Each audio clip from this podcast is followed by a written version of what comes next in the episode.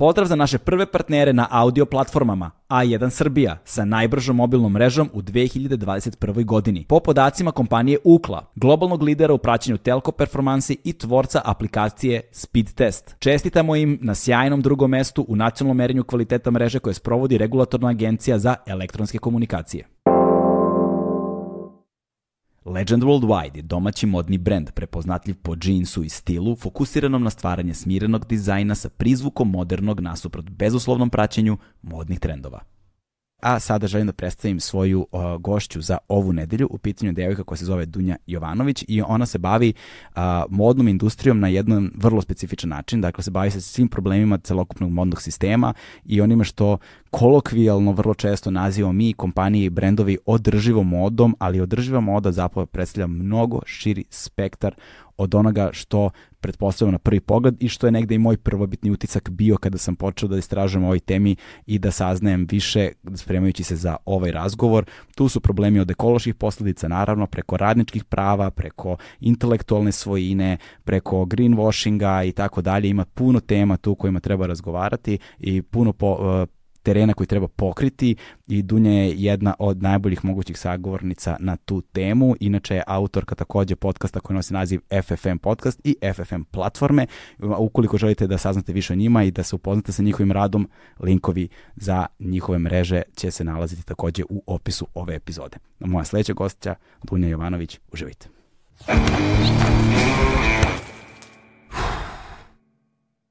Hmm.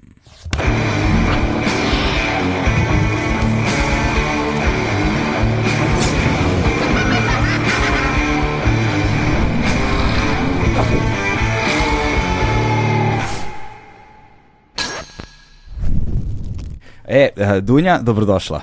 Ćao. Kako si? Evo, ovaj, tek sam ustala. tako da da. Otkrivamo ljudima da snijamo uglavnom prepodne. Jel da? Ne znaju. Pa ne, ne znam da li znaju zapravo, ali uglavnom snimamo prepodne. Ali koliko vidim, ono, menjate te, te tajminge snimanja. Pa sad smo počeli kako smo u novom prostoru, Aha. zato što više ne snimamo gde živimo. I da, onda, da, da, da, da. Sad kad, možete da se organizujete. Tako je, znači onda možemo da snimamo i kada, uh, sad možemo da snimamo i kada je dete kod kuće, jer ne snimamo kod kuće. da.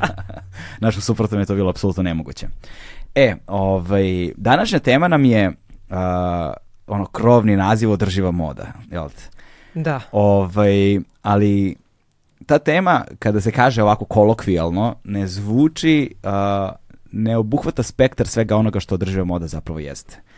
Jer mislim da ljudi u velikoj meri, kada pominju održiva moda, posebno oni koji najčešće upotrebljavaju taj izraz u svetu marketinga, jel te, i u velikih, velikih modnih kompanija i tako dalje, ovaj, prenebregavaju jedan ceo spektar stvari koji to, što, koji to podrazumeva i onda upadamo u ono što, si, što ćemo, čemu ćemo takođe pričati što se zove greenwashing između ostalog. Tako da smo mi ovde zapisali gomilu teza i crtica ono šta je to što bi trebalo da pokrijemo sve da ovaj održi da pokrijemo temu održive mode, ali pre nego što počnemo um, volio bih da prvo ispričamo malo o tebi. Mm -hmm. Ovaj ko si ti, Uh, odakle si, uh, imaš svoj podcast takođe koji se bavi održivom modom. Da, tako? pa e, e, hajde samo kažem, ja ne bih baš rekla da se bavimo održivom modom Dobro. o ovoj emisiji, to će biti samo jedna od jeli, stavki koju ćemo pokriti. Mm -hmm. Ja bih pre rekla ćemo mi pričamo o sistemu po kom modna industrija i tekstilna industrija danas funkcionišu, a to je i, i industrija marketinga, modnog marketinga i modne štampe i šire, ne samo mm. modne, jer sad moda uh, izlazi malo iz tih okvira, da kažemo, tih lifestyle magazina, to se sve češće danas dešava. Da. Ove, ovaj, a kako sam ja počela time da se bavim? Um, pa uh, ja sam počela da radim, uh, sa, mislim da sam imala 21 godinu kad sam počela prvi put da radim u modnom magazinu. Mm. Kao modna novinarka, zajedno sa tom mojom koleginicom Marijom Radaković, s kojom i vodim podcast danas. I radila sam po, po raznoraznim uh, izdavačkim kućama ovaj, kod nas, manje više svim, da negde sam bila i kao u redakcijama, negde sam bila i mm. saradnica do svoje 27. godine, tad sam kao odlučila da, da izađem. da, da, da. da, da, da. I, ove, I šta je sad se tu dešavalo? Mislim, ono kad uđeš kao klinac u ceo taj svet, sve ti to uzbuljivo, novo, mm. nekako to doživljavaš kao kroz neku svoju prizmu, ono koja ti je stvorena opet od strane tih uh, reklama i ono predstava kako rad u redakciji izgleda, a kad uđeš unutra to je potpuno ovaj, drugačije, ti mm. to znaš. Da. Da. I, ove, I ono što je meni tu zapravo bilo ono kao šta mi se desilo je da sam shvatila da kao radim tu već godinama, nigde se ne napreduje u smislu sadržaja, sve manje više isto i sve se vrti u, na krajem slučaju u pakovanju reklama. Znaš, ono, da. kao ceo sadržaj se vrti oko reklama, bukvalno se sadržaj planirao tako da se sponzori dovedu ono kao, ne znam, uh, hoćemo da uvedemo rubriku putovanja da bismo kontaktirali neke agencije koje će se da. tu reklam i slično sad, kuvanje, bilo da, šta. Ono. Kuvanje je tu vrlo simptomatično, to da. moda, da. Pa, da. mislim, bilo šta, bukvalno sve može da bude. Mm. I, ovaj, I onda sam ja pokušavala da proguram tu neke priče koje se tiču industrije kao takve, I naročito mi je, na primjer, bilo interesantno kao eto imamo toliko tih licenciranih modnih magazina, a nijedan se ne bavi domaćim tržištem. Kao šta da. je to što domaćem tržištu treba da bi se razvijalo?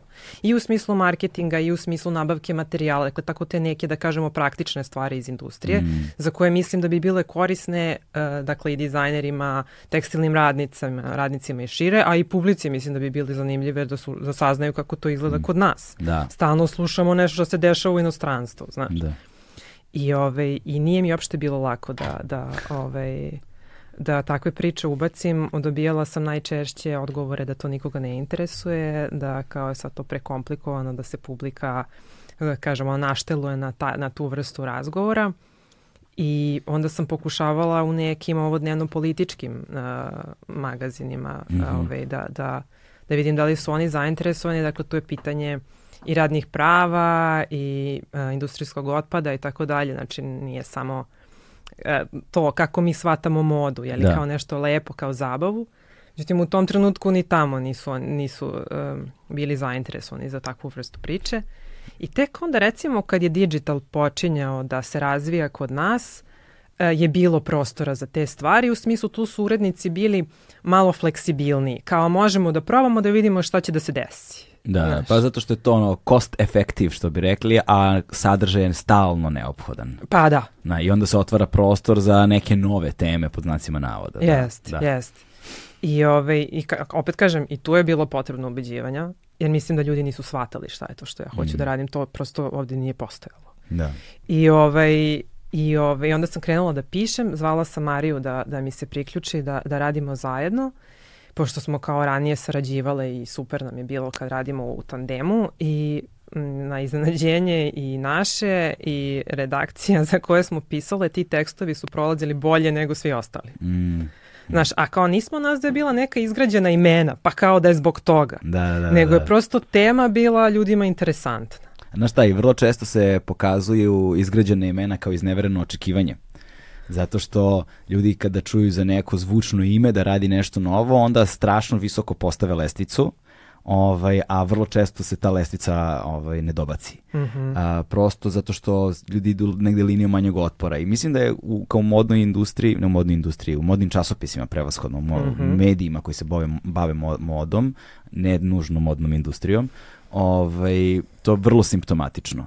Zato što kod njih je baš akcentovan taj, pričat ćemo o tome, native advertising, ono i to, da, da, da se proizvod, e, da se zapravo sadržaj orijentiše prema proizvodima i sponzorima, a ne prema publici prevashodno, koji će onda neki sponzori da sponzorišu, jel te?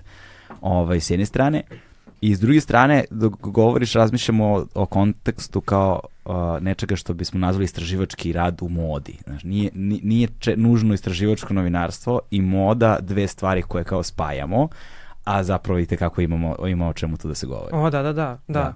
Mislim, naročito u lokalnom kontekstu, znaš. To sad kad si rekao, da. kad si rekao kao uh, modni magazini uh, i modna industrija, ja uopšte ne znam da se modni magazini kod nas bave radom modne industrije. Mm. Zaista ne znam. Pa Mislim, ne sećam se ni da sam ja, ni da sam baš pratio, ali ne sećam se da sam sreo tako nešto. Možda sad u poslednje vreme ne znam. Moram da mm. da priznam da kao ne, ne pratim baš mnogo uh, mm. šta se tu dešava, ali ovaj, uh, do sigurno pre tri godine nisu Mislim, prosto... Da, da, da, da. jasno, jasno.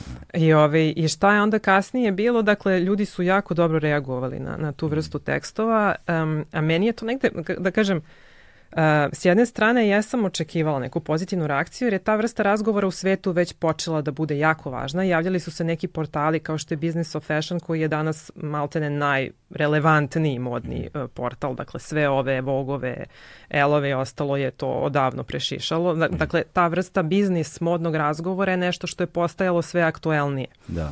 I na kraju krajeva korisno je. Mislim, da. i ljudima u industriji, potrošačima da. i svima, jel? A po, izvinja, posebno što se razvila i ta industrija industrija, ne možemo da nazovemo industriju, ali vidiš koliko malih lokalnih brendova se sve da. više i više pojavljuje. Kao da, kraft da, da. piva, sad da. svakom ćošku neki mali modni brend. Yes. Tako da su ti poslovni razgovori strahovito važni. Da, to je ono što govorim, kao ja sam već o tome razmišljala tad kao zašto nemamo te ljude, zašto ne pričamo sa njima, ajde da vidimo šta njima treba. Ja sam imala neke ljude koji su, e, prijatelje koji su se bavili modnim dizajnom i u tom trenutku i, na primjer, znala sam da je za njih izazov bio, oni izađu sa fakulteta, a ne znaju ništa o marketingu.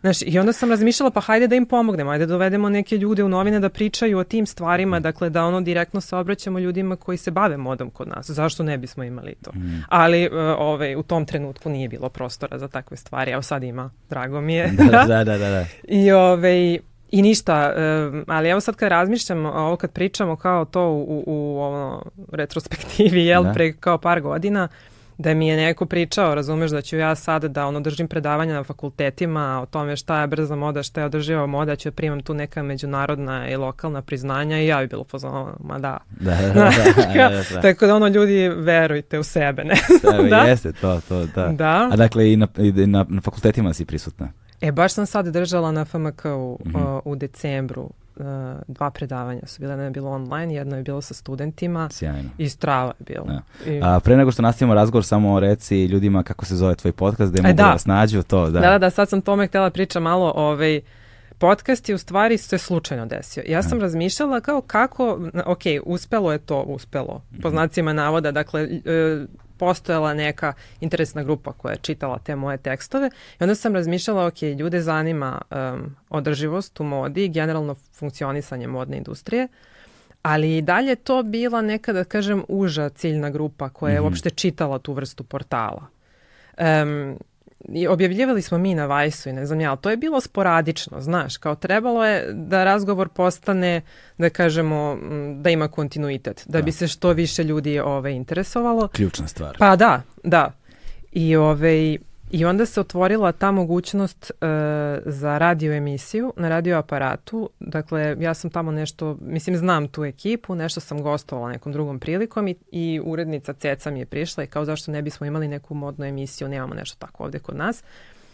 I, ove, I meni je onda tu palo na pamet da bismo mogle Marija i ja da nastavimo taj razgovor na, na radiju i zapravo kao ok, imamo, tu, kako kažem, stvorili su se uslovi za snimanje. Ja sam htela da to bude podcast jer sam ja uh, slušala podcast, mislim slušam i dalje. Da, da, da, da.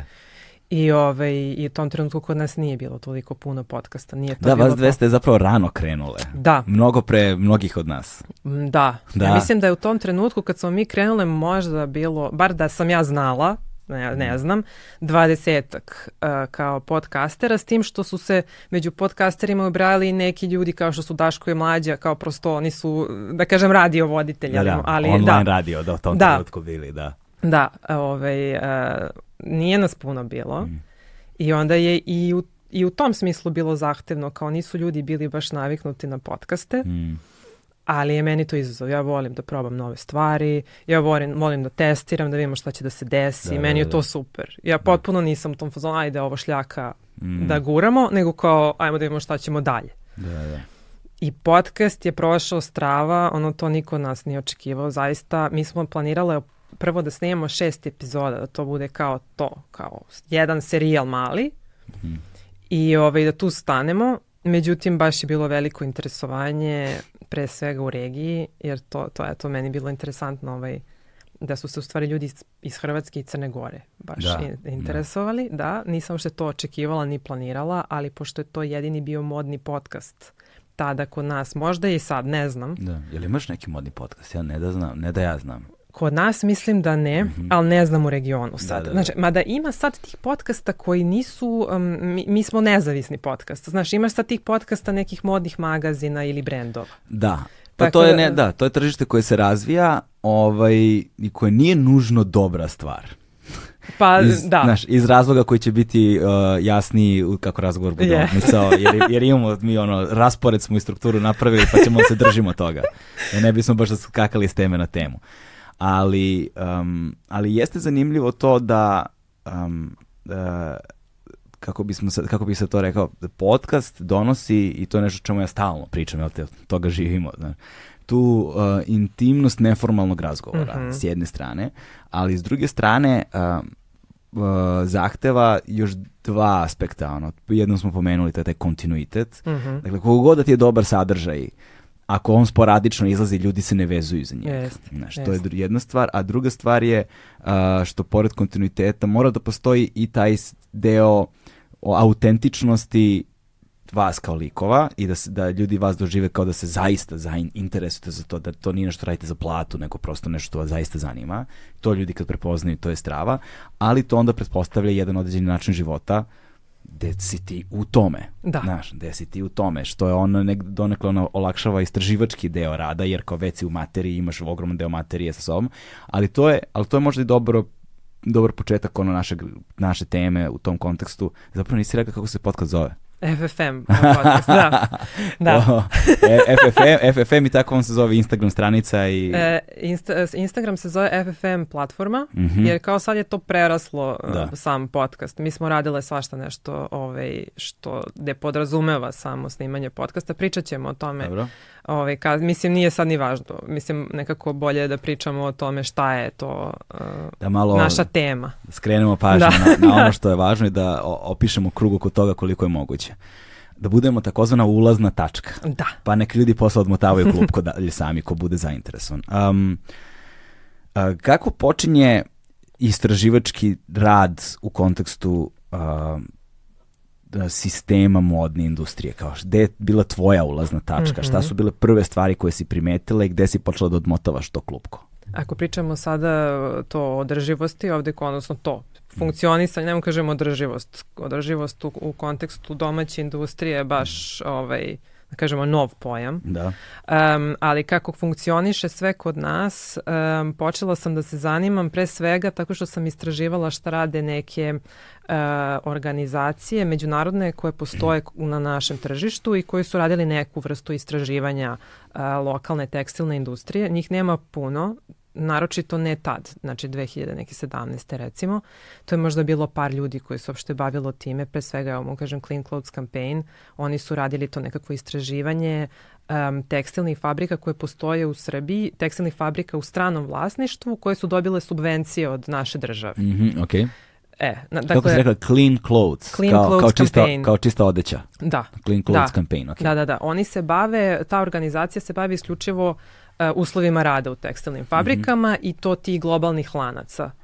Tako da uh, za te eto stvari postoje neki podaci kakvi su uslovi u tim fabrikama, ali na primjer i dalje mi nemamo za lokalne brendove. Mm, da. Te malo veće kao.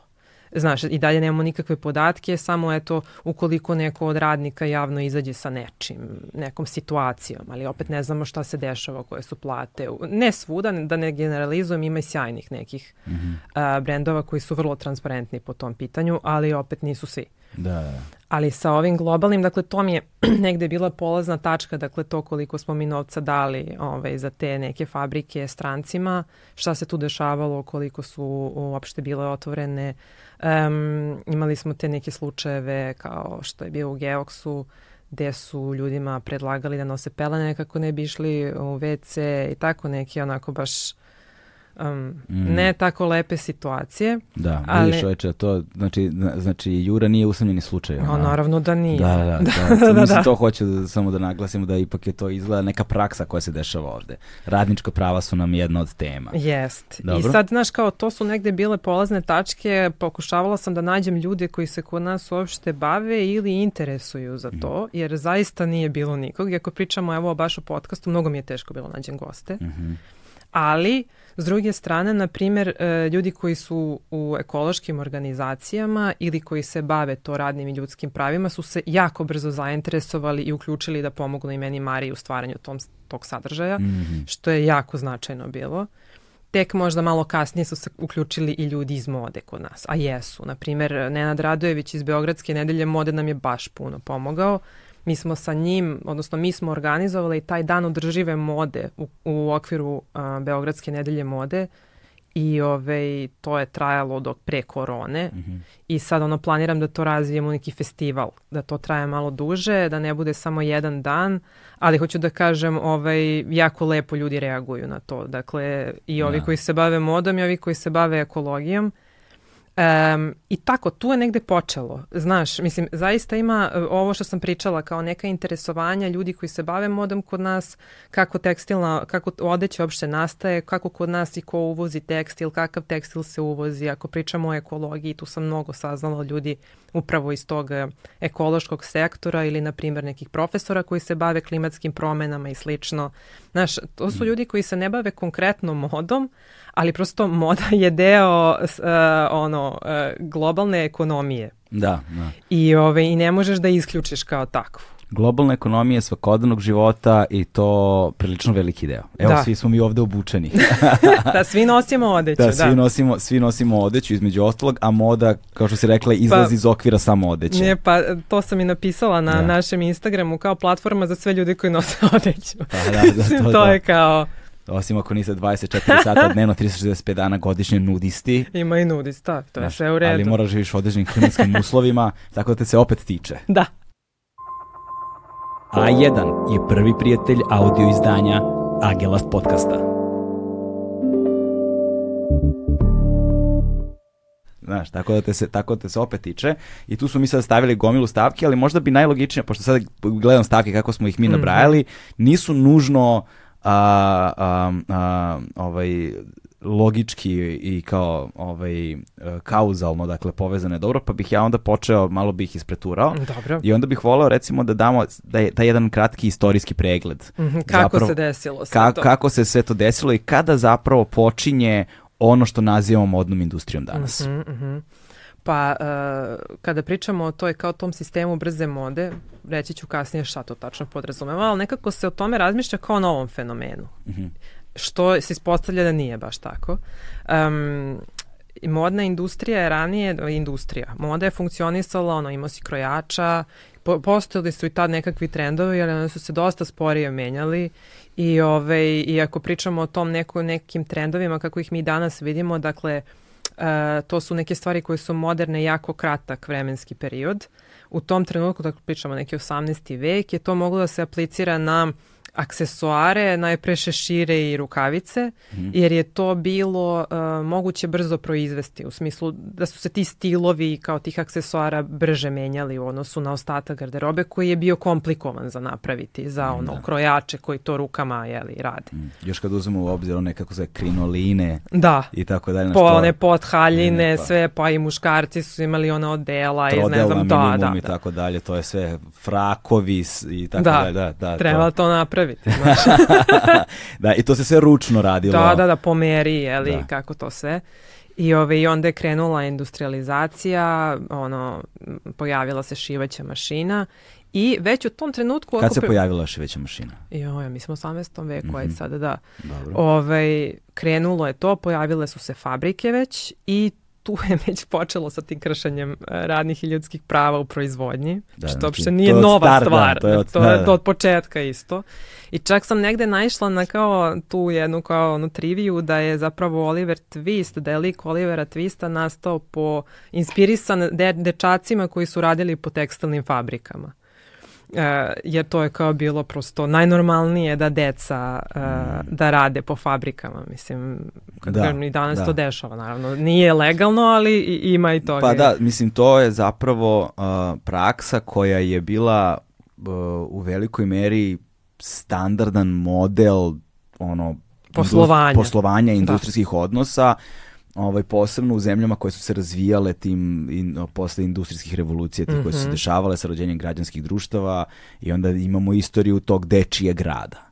Ovaj, danas ga imamo u vrlo određenim zemljama sveta i u određenim uh, segmentima industrijskim, ono, Jest. od rudarstva do ne znam, i, ali brza moda i dalje tu od, igra ključnu ulogu kad da, govorimo da. o čuvenim azijskim tigrovima. Da, jest. ali dobro, doći ćemo, da, do, da, da. doći ćemo dotle, da. Da, i, ovaj, um, i u tom trenutku, dakle, kako je to sve krenulo da se razvija, tu se pojavljuje malo prodaje, dakle, ove radnje kako ih mi danas uh, mi znamo, pre su to dakle bile krojačke radnje, a onda mm. se razvijaju malo prodaje, počinju da se pojavljuju i brendovi koji pre toga nisu imali neku naročitu uh, ulogu i značaj. Mm -hmm. um, I već, dakle, posle drugog svetskog rata uh, taj razvoj industrije postaje sve brži i brži. A čekaj, viš, zanimljivo mi je to. Kada su se zapravo pojavili prvi brendovi u tom kontekstu? Pa pre drugog svetskog rata su se da. pojavili, ali šta, možemo šta, da izvini, kažemo... šta su bili prvi brendovi? Ne? Pa e, prvi brendovi, pa e, na primjer Levis je postojao, ali to je bilo, kako ti kažemo, ono, kompanija. Mm.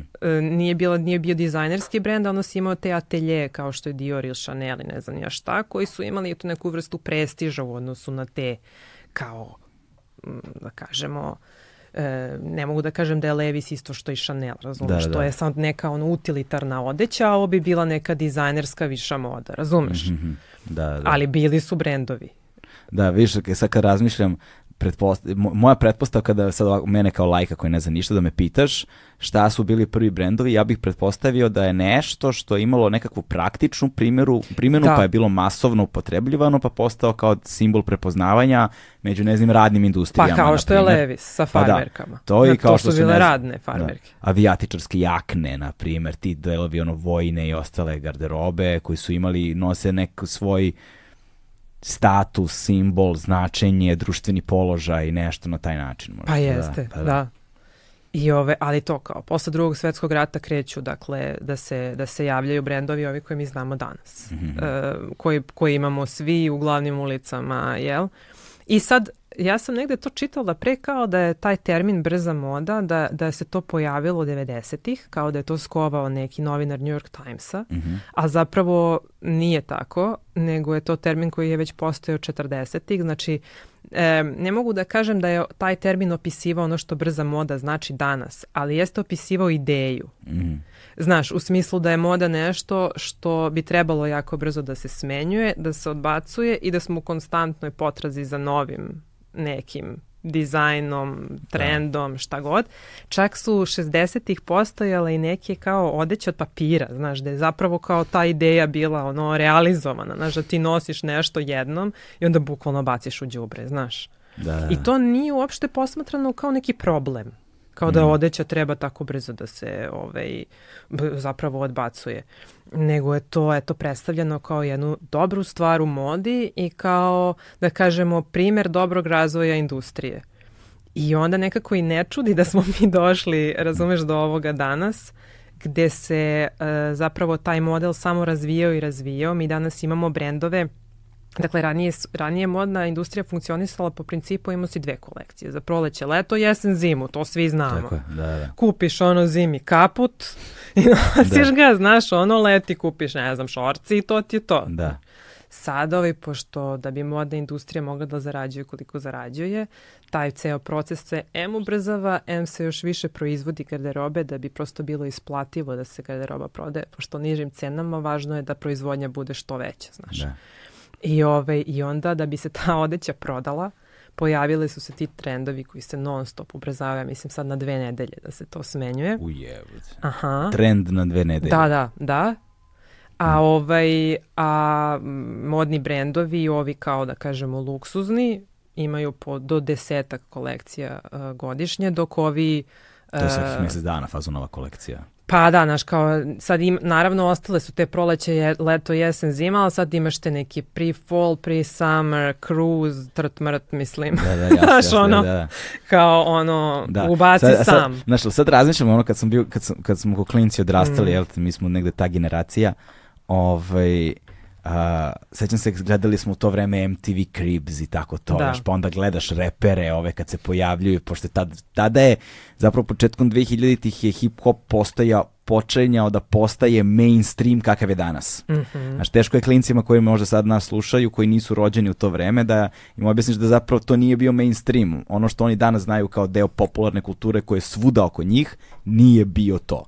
Ovaj, i kada su ti prvi reperi to postajali mega starovi na nivou Madone i to, znaš mm -hmm. tada, ovaj, i gledaš MTV Cribs i glavna fora im je svima bila kako oni pokazuju da su uspešni, a, bila je fora da kupuješ odeću koju nosiš samo jednom. Da. Da. I to, tu su krenuli ono bele patike, bele čarape, bele gaće, znaš, mislim, ok sad, ali kao bilo je fora tome da bude belo, to se ne pere, nego se nosi jednom, baci i sutra da novo. Ali pazi, i u mediji su mnogo učestvovali u tome. Pa, Znaš, ono kao šejmovanje, kao vidi ovoga dva puta u istim, pa i ti si mi pričao, da, kao da, da, da. da te prozivaju da se ne preslaš. Da, to, to, to, to, Znaš, to, kao, da. što?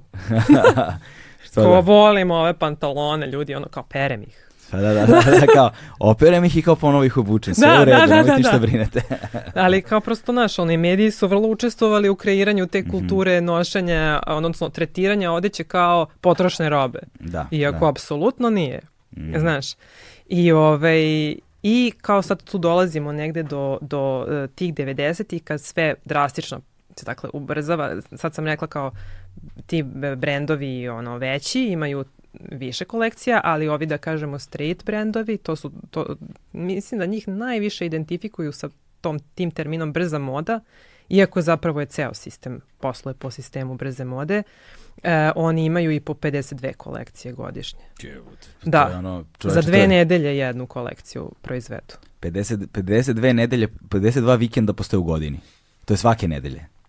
Znaš, ono, Eto, 52 da. nedelje imaš u godini, to je nije da, na da. dve nedelje, to je na nedelju dana. Da, da, mi sad imamo i te neki kao zovu se, više nemamo samo fast fashion, imamo i ultra fast fashion, to su ovi novi kineski brendovi. Ima taj neki brend Shane koji ono rastura mm -hmm. uh, sa proizvodom, on izbacuju, ne znam koliko izbacuju, na što je ono ovaj, sad već poraslo do tih mera da ne možeš više ne da pratiš, znaš. Da. Ali ovaj, mm, šta je zapravo brza moda, to, to, da. to nisam rekla. Da, da, da. da, pa e, brza moda predstavlja dakle odeću koja se jako brzo proizvodi, najčešće u lošim uslovima, radnic da bi bila jeftinija, ideja je da bude što jeftinija i što pristupačnija, Um, najčešće radnici ne rade u dobrim uslovima i nisu dovoljno plaćeni i ono što je kao eto vrlo zabrinjavajuće jeste ta, te ekološke posledice tog, vrste, tog načina poslovanja koje su zaista ogromne.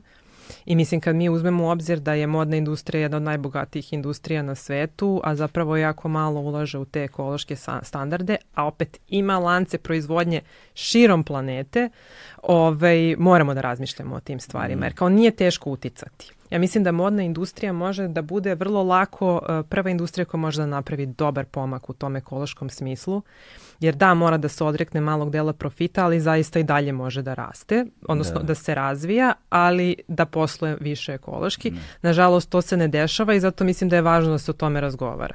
I druge stvari kao što, ono, o kojima ja stalno razmišljam, sve što pričamo o modi može da se prebaci na bilo koju drugu industriju na svetu, a moda može, barem je to moje iskustvo bilo, da razgovorom o modi mi zapravo možemo da privučemo najrazličitije ciljne grupe da se bave tim problemom, jer mhm. moda je nešto što ljudi vole, što ih da. zabavlja i što nekako lako mogu, mogu da kliknu sa tom temom ljudi koji recimo ne zanima uopšte šta su ljudska prava, šta su radna prava ili ekologija na kraju kraja. Da. Tako da je to zapravo negde bila polazna tačka da se ljudi zainteresuju za pitanje ekologije u širem smislu. Da, ali ono čemu ja sad razmišljam da pričamo a, jeste da razgovaranjem o ovakvim temama možda je jedan od najvažnijih ono efekata koji bi mogao da se postigne jeste kao promena načina posmatranja mode u tom u, u, u, u, kao, u samo u onom najosnovnijem kontekstu tipa kao tvog svakodnevnog oblačenja, tvog da, odnosa da, prema tvojim da. svakodnevnim stvarima kao za, uzmi kao kupi jedan duks i nosi ga ne znam koliko dok se ne raspadne, totalno je okej. Okay. Da. Znaš, totalno, da. totalno je okej, okay, ne treba da te bude sramota. Upravo, Znaš, upravo. I ako, ako, ako takvu jednu sitnicu samo promenimo, promenili smo ogromnu stvar. Da. Znaš, ogromnu da. stvar, da. To je meni nekada i bila ideja sa, sa FFM-om i pre svega na društvenim mrežama, um, jer sam primetila, na primjer, ovo je sad malo kao skrećemo sa... ali, vezi, samo napad. Da, um, da naročito u ekološkoj zajednici postoji puno te, da kažemo, komunikacija je zasnovana dosta na posramljivanju, kao zašto ne radiš ovo kako treba, zašto ne radiš ono kako treba, znaš. Mm. I onda ljudi ponekad odbojno reaguju na to.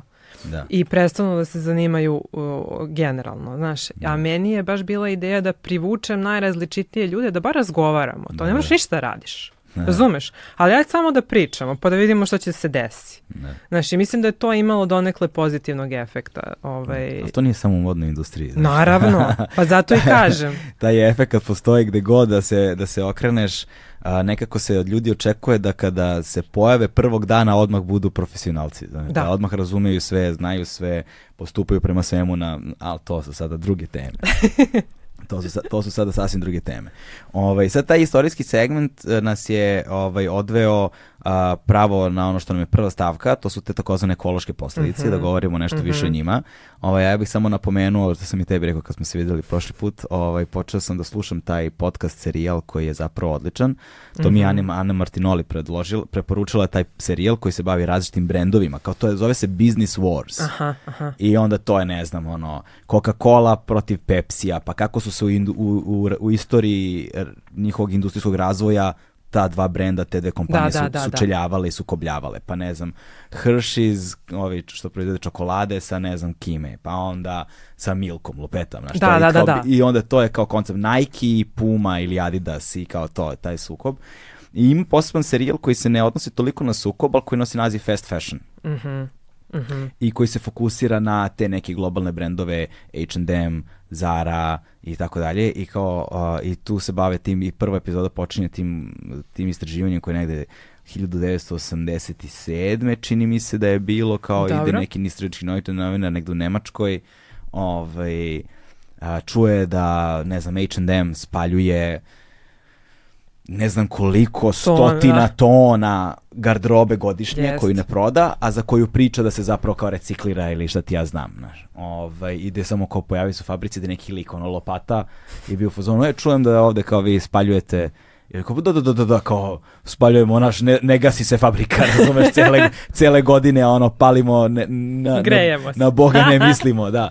Ovaj, i, i, I kada čovjek počne razmišljati u tom kontekstu, ovaj, onda shvatiš da je ta zapravo brza moda strahovito veliki problem. Pa sada ovo kad pričaš pada mi na da. pamet, znaš, um, prepostavljam da ljudi kad budu, kad budu ono kliknuli da gledaju da. ovaj podcast, da, da neće očekivati ove priče u kontekstu mode, jer moda ti je predstavljena kao nešto lepo, nešto ono šareno, neki beg od realnosti, jel? Mm.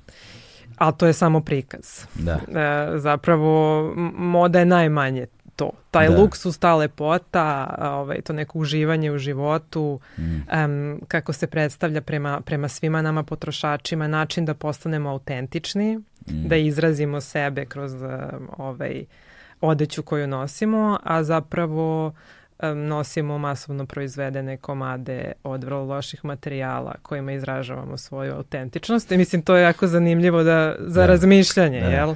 To, tako kako je neko jednom prilikom rekao za hipstere, u, u silnoj potrebi da se razlikuju su se uniformisali. da, da. Pa, I ovaj, da, modna industrija je jedan od većih svetskih, svetskih zagađivača, sad tu postoje neke teorije, jedno vreme su pričali da je na drugom mestu, pa kao nije na drugom, nego ne znam na kom je, nije ni važno na kraju krajeva. E, jako je veliki zagađivač u bukvalno svakom segmentu, kad pričamo ovaj, o zagađenju vode, tu je možda najproblematičnije, kao 20% uh, udela jeli, u zagađenju vode, vode, vode globalno jeste modna industrija. I sad kako se to dešava, dešava se tako što um, se odeća farba i tretira raznoraznim nekim hemikalijama da bi, ne znam, bila lakša za peglanje, da se ne bi gužvala, razumeš? Mm. Ili kao da bi mirisala na određen način ili boja, ne znam, da bi bila određene boje, imaš tu razne neke načine na koji se odeća tretira i jeli višak tih hemikalija se samo lepo rokne u, da. u vodu, jeli, ono, i to završava i u okeanima, jeli, mi pijemo to, sad da. to već veliki su, najveći su problemi, čini mi se u Aziji, ali ja re, ne bih baš rekla ni da je ovde kod nas puno bolje. Mm. Um, I, na primjer, bilo je, um, sad sam baš skoro gledala, uh, Deutsche Welle odradio neki kao mali eksperiment u Nemačkoj, uh, gde su um, kao hteli su da podignu svest među potrošačima da vide koliko uopšte oni znaju jeli, uh, na koji način se odeća tretira i šta se zapravo dešava sa tim otpadnim vodama od odeće. Mm i stavili su ovako jedan akvarijum na sred ulice i pored njega su stavili kao neku flašu sa tim um, hemikalijama nekakvim kojima se odeća farba. I rekli su da mogu da uzmu, pored dakle ak akvarijuma i te flaše, stavio jedan štender sa odećom. I rekli su ljudima da mogu da uzmu besplatno bilo koji komad koji vide na štenderu, ali moraju da ubace taj, ta, te hemikalije ribicama u akvarijum. Aha, da. Znaš, i onda su, niko nije hteo to da uradi. Da. I onda su im ovi govorili zapravo da se to dešava svakodnevno. I onda su ljudi vezano, ali da, ali kao mi to ne vidimo. Znaš, i onda ako mi to ne vidimo, nikom ništa. Zna, da, da, da, znaš, da, da, da. ali kao svakako ću da odem u radnju brze mode i da kupim mm. ono komad koji je tretiran na taj način, zato što je jeftino ili već ne znam iz kog drugog razloga, znaš. Tako da, li postoji, da, da li postoji razlika u, u recimo to kao koje boje su ili kao štetnije od nekih drugih? Da, da, da, da. Pa imaš sad sve više tih um, kao kako ceo taj pokret i cela ideja postaje transparentnija i više ljudi priča o svemu tome. Imaš sad te neke proizvođače održivije mode koji se baš trude da koriste te prirodne boje. Mm -hmm. Koje, evo ja sam upoznala par nekih um, žena iz Hrvatske koje um, proizvode te kao prirodne boje od biljaka se to radi. Mm -hmm. To je prelepo. Mislim, izgleda, ne, nema neke razlike. Kako se taj proces proizvodnje tih boja? E pa ne, to sam htjela da uradim jednu neku ili video epizodu ili live nešto mene isto zanima. Da, znam. da, kako ide ceo taj proces proizvodnje. Ja znam za jednu fascinantnu priču ovaj, koju sam čuo Nažalost, čuo sam da je profesor preminuo, ovaj, mm -hmm. da je profesor preminuo, profesor Jančić, koji je bio šef um, katedre, katedre za botaniku na farmaceutskom fakultetu mm -hmm. u mhm. Beogradu. I onda smo se mi upoznali pri izvesnog broja godina kada sam ja istraživao neke priče o Uh, psihoaktivnim biljkama, aha, znaš. Aha. Ovaj, ali on je čovjek bio taj renesansni tip osobe, znaš, koji je bio prosto zaljubljen u svet ono flore i faune. I, ovaj, I pisao je romansirane knjige, ne znam, o orahu i tako. I, ovaj, I onda je puni tih mitova i legendi i priča o biljkama, među kojima je puno priča o bojama. Zato da. što pričati da. o biljkama, ne pričati o bojama i o proizvodnji boja. I, ovaj, I onda kaže da postojala ta biljka, odnosno postoji dalje, naš lokalni naziv za tu biljku je zrneš, mm -hmm. a latinski naziv je Peganum harmala i da. njen aktivni sastojak je taj harmalin. Ovaj, I smatra se sad, pošto je to izgubljeno znanje, jel te, ali se pretpostavlja da ta biljka, je, moguće da ta biljka je čuvena drevna soma iz, ne znam, Huxleyevih ovaj, vrlog novog sveta i tako dalje. Ovaj, a, I kaže šta je kod nas bila istorija zabeleženih su ti neki, jer, a, jer zrneš ima takav cvet i plod koji, uh -huh. a, jer jedna od boja koja se najteže dobija a, u toj tekstilnoj industriji je crvena boja. Mm -hmm. I da se zapravo, da u to stara vremena pigment crvene boje dobiti je bilo veoma teško. Jedna od najzahvalnijih biljaka za, ovaj, za, za dobijanje crvenog pigmenta je upravo ta Peganum hamala koja se naziva još i sirijska rutvica iz tog je podneblja. Kod nas je strogo zaštićena biljka jer mi smo aha. pokušavali da je nađemo. Išli smo, kum, moj, kum Momčilo ja smo išli na to putovanje no, po Srbiji i pokušavali da. jer smo pre, uz, pre, u Zavodu za zaštitu prirode ovaj, smo, smo dobili informaciju da su zabeležene kao tipa dve biljke posljednjih ne znam koliko godina. Mm -hmm. Jedna na Fruškoj gori i jedna u okolini Vranja, oko nekog turskog groblja.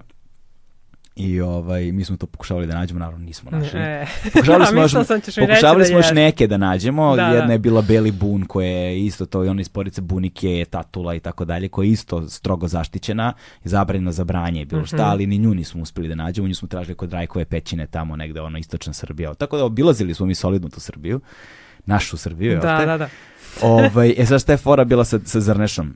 a, to što su u vreme od, od zrnešća su Turci proizvodili a, fesove, one crvene kape uh -huh, i, uh -huh. i, ovaj, i kroz ceo taj blisko istočni svet se koristio u, a, u industriji i onda su te žene koje su, mahom su to jel te žene bile, koje su a, koristile, sad zaboravio sam koja je bila tehnika, da li se to sušilo, šta se radilo, nemam pojma tačno, ali se onda mešalo sa nečim i onda se ona utrljavalo u sirovu tkaninu mm -hmm. da bi dobila crvenu boju, pa se onda ta tkanina posle od nje su se pravili dalje čilimi, tepisi, da, da, da, da, da. fesovi i tako dalje. I pošto su te žene radile ovaj, zajedno, one bi, one bi hotimice, jel te, ono, uh, uh, unosile E, e, e, pošto ono tipa rade pa jedu nešto, mm -hmm. pa unose pomalo a, tog pigmenta uz hranu preko prljavih prstiju, šta ti ja znam, i onda vremenom kumulati, dolazi do kumulativnog trovanja, ali pošto je to psihoaktivna biljka, onda su imali efekte kao tog ekstatičnog... Bilo im je lepo. Da, kao a, osjećanje letenja, lebdenja a, i da je zapravo odatle potekla priča o letećim čilimima. Aha, aha, aha. Zapravo utrljavanjem tih boja u tkanje čilima, da i onda su se tripovale i da su tako nastale, da je tako nastala legenda o letećim. Koliko je istinita, ne znam, ali zvuči... Ali delo je. Da, posebno, posebno, kada, je, posebno kada je profesor ovaj, pričao i onda smo bili kod njega u jaku, ogromnom dvorištu koje je tako divno, znači onda je on pričao te priče o bojama koje su bile fascinante. Pa me sad ova tvoja podsjetila na to. Da, da, da, ne, mene isto zanima. Kažem ti, mm. ono, vola bih to nekad uradim neku epizodu o tome. Mm. Mislim da bi bilo interesantno da vidimo kako to možda nekog i motiviše malo da krene da istraže, nemam pojma.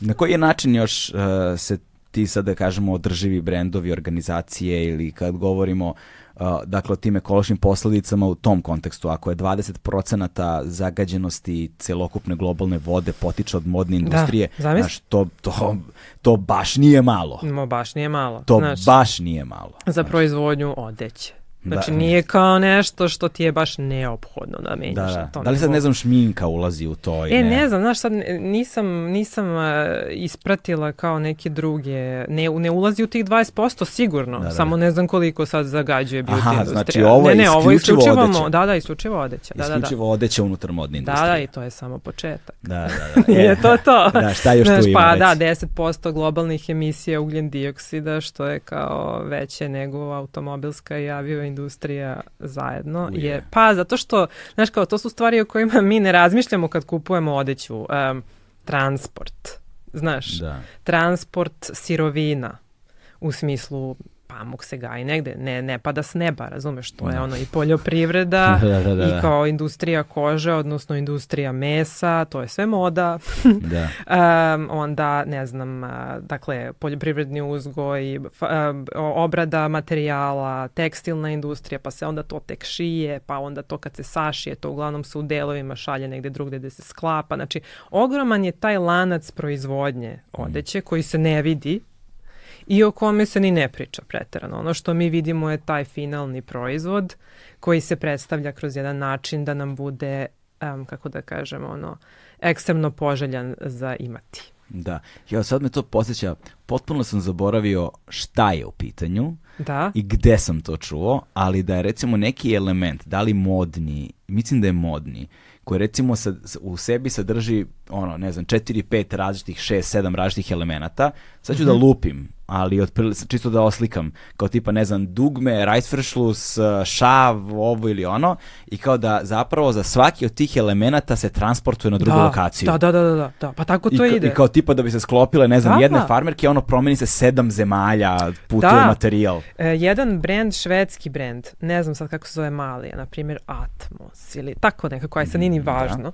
E, oni su baš radili kao način na koji se oni reklamiraju upravo da ukažu na to šta ti govoriš. Oni su, da primjer, mi na etiketama, kad vidimo piše samo made in, pa neka zemlja. Da. A oni su upravo, da bi kao osvetljali na koji način taj lanac proizvodnje izgleda, napisali na svoje etiketi, ne znam, ono, Rajfešlus je odatle, konac je odatle, e, tekstil je odatle, razumeš, mm. E, svi ti onda se elementi šalju, na primjer, u Portugal i onda se u Portugalu kao to sklapa, razumeš, ali kao upravo to su hteli da prikažu sve, ne znam, ovo je nešto iz Kine, nešto je iz, mm. nemam pojma, evo, Srbije, nešto da. je iz, razumeš, Finske i onda sve to dođe u tu zemlju gde se to sve sklopi i kao nalepi ta finalna etiketa. Tako da da, to je tako. Da, to je ono što sad srećemo u posljednje vreme kao made in Italy, ne znam. Da, to, da, da. A da. zapravo... Da, zapravo najmanje je. Zapravo je samo ajde, te... ajde zavisi. Da, dobro. Mislim nekad jeste. Aha, da. ali, ali zavisi, zaista zavisi. Mislim, ali u velikom broju slučajeva, kako sam razumeo, samo je Made in Italy, znači da je samo ta etiketa stavljena uglavnom, na kraju. Da,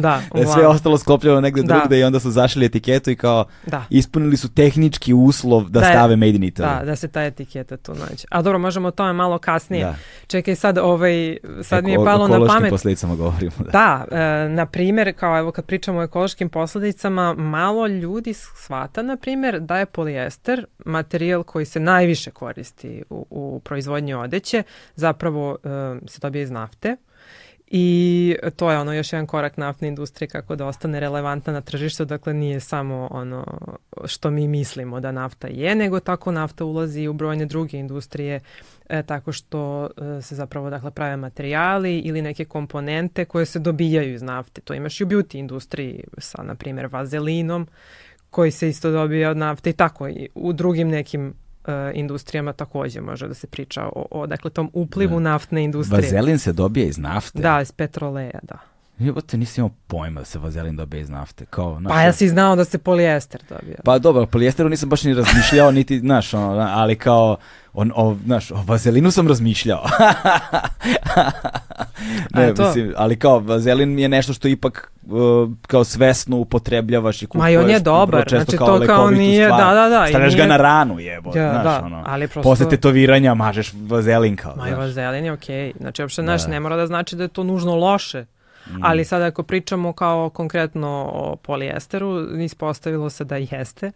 I upravo to, kao možda ne po nas lično, mm. već po prosto uh, svetu u kom živimo, jer um, osim da. toga što mu treba da se razgradi na deponiji kao bilo kojoj plastičnoj kešci, mm -hmm. i zato se nekako kolokvijalno i naziva to plastikom. Da. Nije bukvalno, ali prosto uh, na vrlo slični način se ponašaju materijali. Uh, um, dolazimo i do toga kao da se kada se ta odeća pere razlaže na tu mikroplastiku koja je baš veliki problem danas. Um, 35% um, te primarne mikroplastike dospeva u vode iz odeće. Sad, ajde da, da kažem šta je mikroplastika. Mikroplastika su te sitne čestice plastike uh, koja, na primjer, evo u kontekstu evo sad modne industrije, ti kad pereš u mašini mm -hmm. svoju, ne znam, majicu koja je od polijestera, ona se prosto izbacuje iz sebe uh, te male čestice koje onda idu u vodovod, idu dakle u reke, idu u okeane, jedu ih ribe, jedemo ih mi. Mm. I sad Dakle, ispostavlja se da je najveći procenat primarne mikroplastike iz odeće, što je opet onako zabrinjavajuće, ali imaš i tu sekundarnu mikroplastiku koja je još gori problem. To je, dakle, plastika koja Uh, to su te sitne čestice plastike koje se uh, dobijaju tako što se ra razlažu veći komadi plastike kao što su flaše ili ribarske mm. mreže, najčešće to je baš veliki problem. I mi smo radili pre, hm, ja mislim 2020. taj jedan panel uh, gde smo pričali o uticaju mikroplastike na naš organizam i gostovao nam je tad na panelu uh, dr. Miodrag Stojković, ne znam da znaš, e, da, ono čuveni naš genetičar, da. ove, evo, za ljude koji kao ne znaju i zaista pozivam sve da istraže to što on radi i može da ti dođe u goste sjajan jedan mm. čovek. Um, koji nam A njega je... su beše, on je dao ostavku yes, na fakultetu, sad, da. da on je ono, yes pretrpeo čovjek sve i svašta. Car, car, baš. A, a ba, ono, da. baš ne umemo da vrednujemo svoje kadrove. Da. da. Da, da, Čuo sam, mislim, ne znam tačno šta se sve dešavalo, nije baš da sam pratio, ali sam čuo sa različitih strana, da.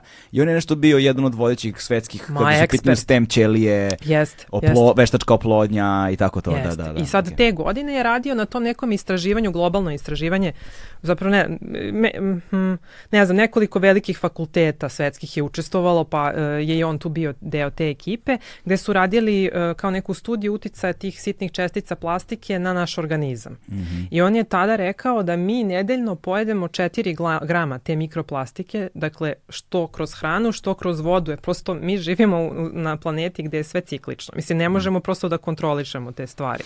To što mi ba, ono peremo tako neoprezno tu odeću i kupujemo previše plastike, sigurno razmišljamo o tome da ćemo posle da je pojedemo. Uopšte da li ona postoji. Mislim. Da, da, da. I 4 grama je zapravo jedna kreditna kartica. Znači, svako od nas na nedeljnom nivou pojede kreditnu karticu. Oh, yeah. Pa da. Kreditna kartica ima 4 grama. Pa tako je on znači, rekao. Da sam, da Ajde sam, sad, citiram čoveka. Ne, ne, nema veze, nego kao da, da, sam ti, da, da ti sad dam kreditnu karticu, te pitam Ajde, koliko je teško. Ajde, da merimo da. karticu. Jel ima, gde nam je vagica? Znaš,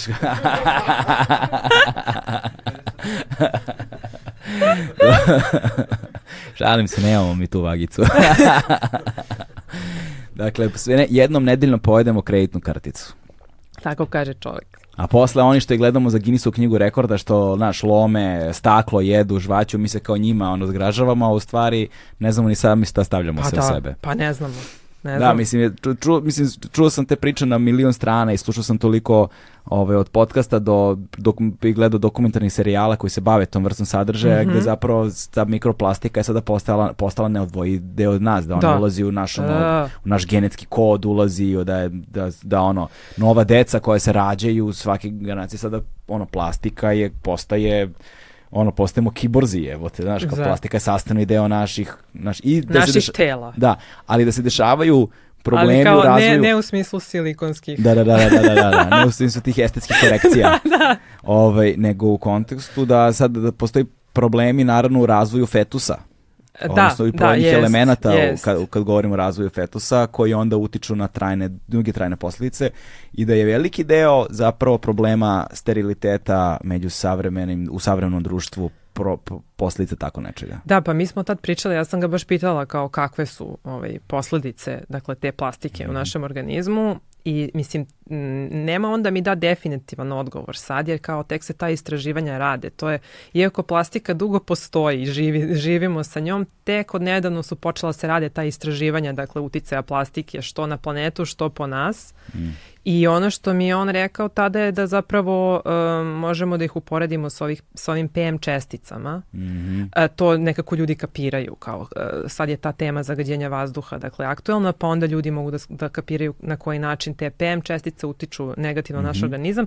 Te čestice mikroplastike dakle, se ponašaju slično. Mm -hmm. um, i kažem opet još se rade istraživanja ovaj, na tu temu da bismo videli zapravo koje mm, su mm, da, posledice. Da.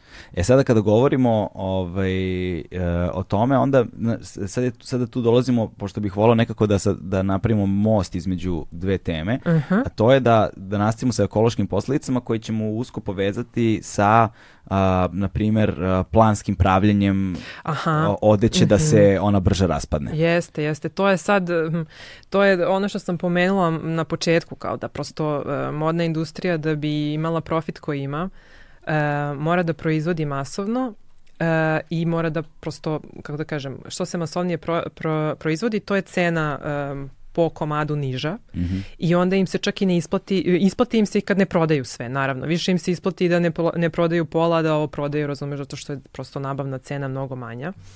I ono što se radi da bi se prosto poboljšala prodaja te, tih ogromnih količina odeće jeste da se koristi ta strategija planskog zastarevanja, odnosno da se odeća pravi tako da se raspadne što pre, da bismo onda svi mi bili primorani da kupimo novo. I to je nešto sa čim mislim da može svako ko bude gledao da se poistoveti. Ne.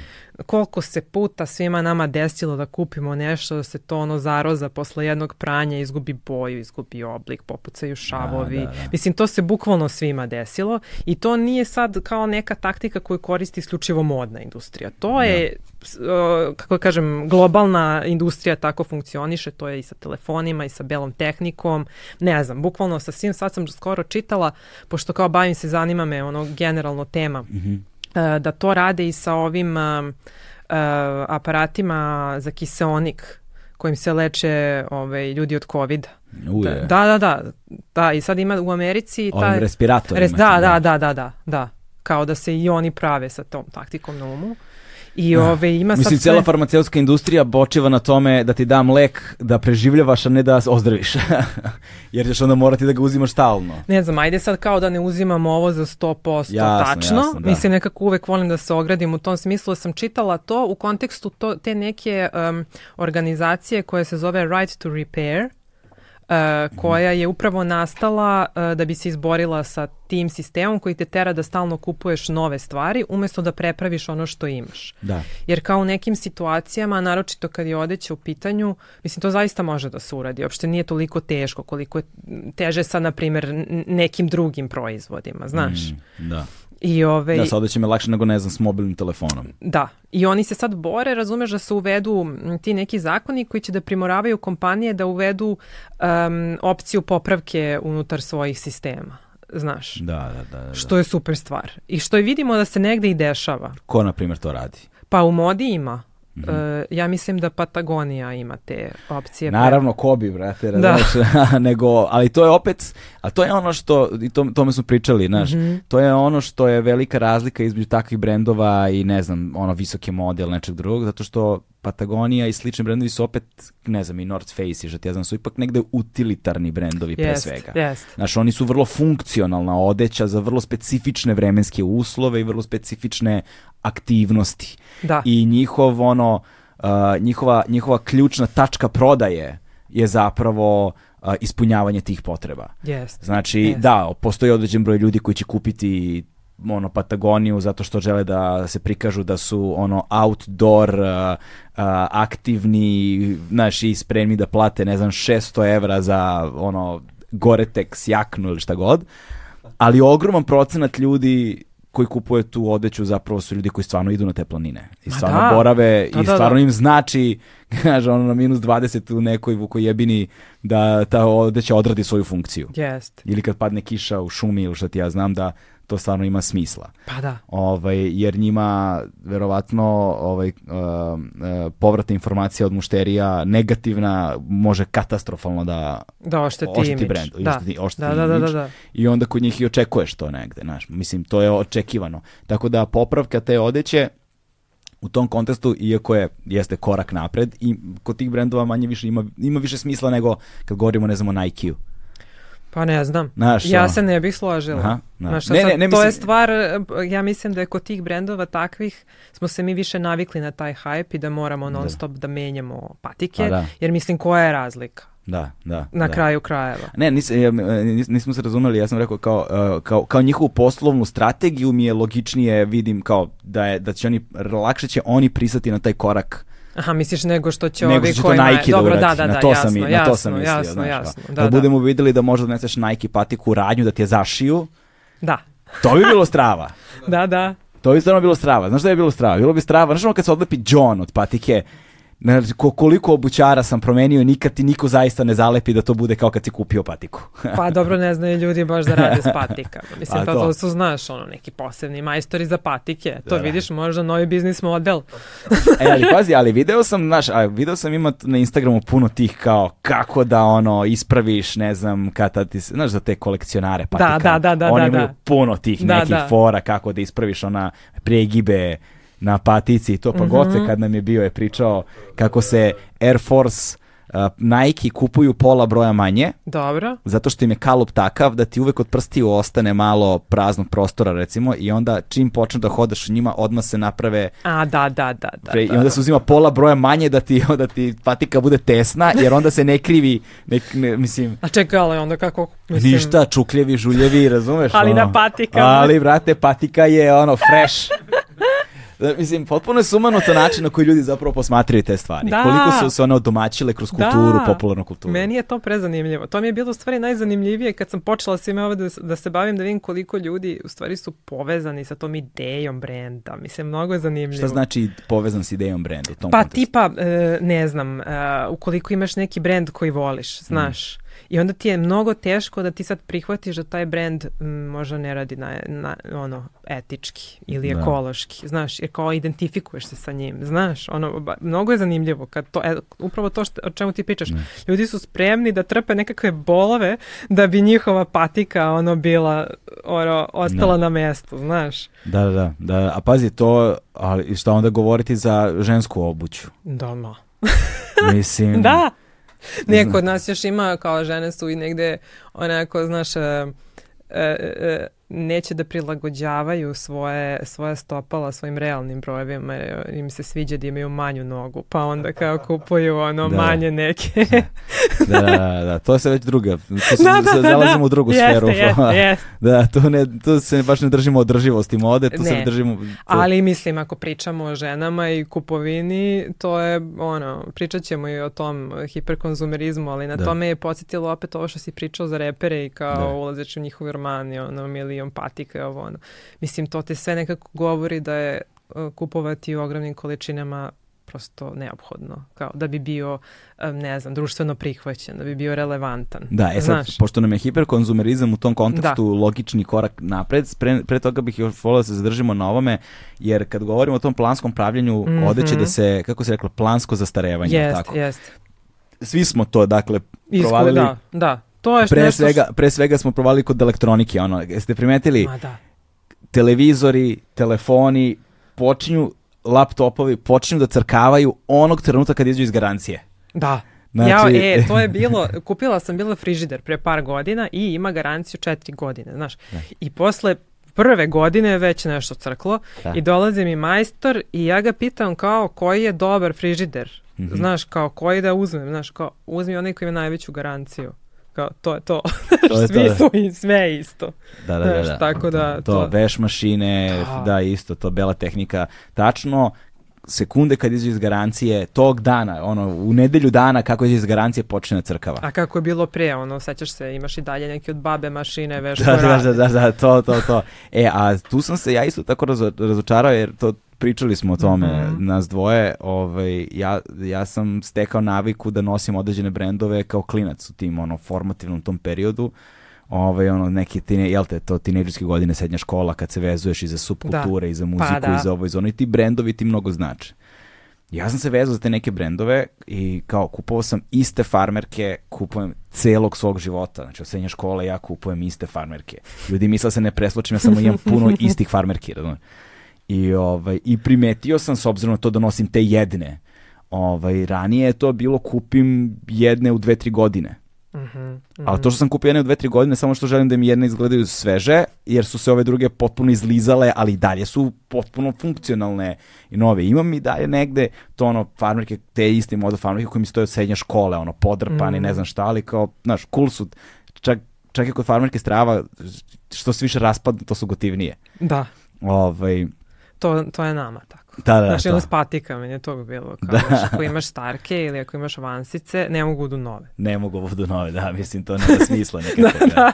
To je bilo ko klinci kad kupiš nove, pa onda dođu u odeljenju, svi pa ti zgaze na patiku kao da, da. nema smisla da ideš u novim patikama, kakav je to način. Ovaj, u čistim patikama, da, majke ti. Da, mislim.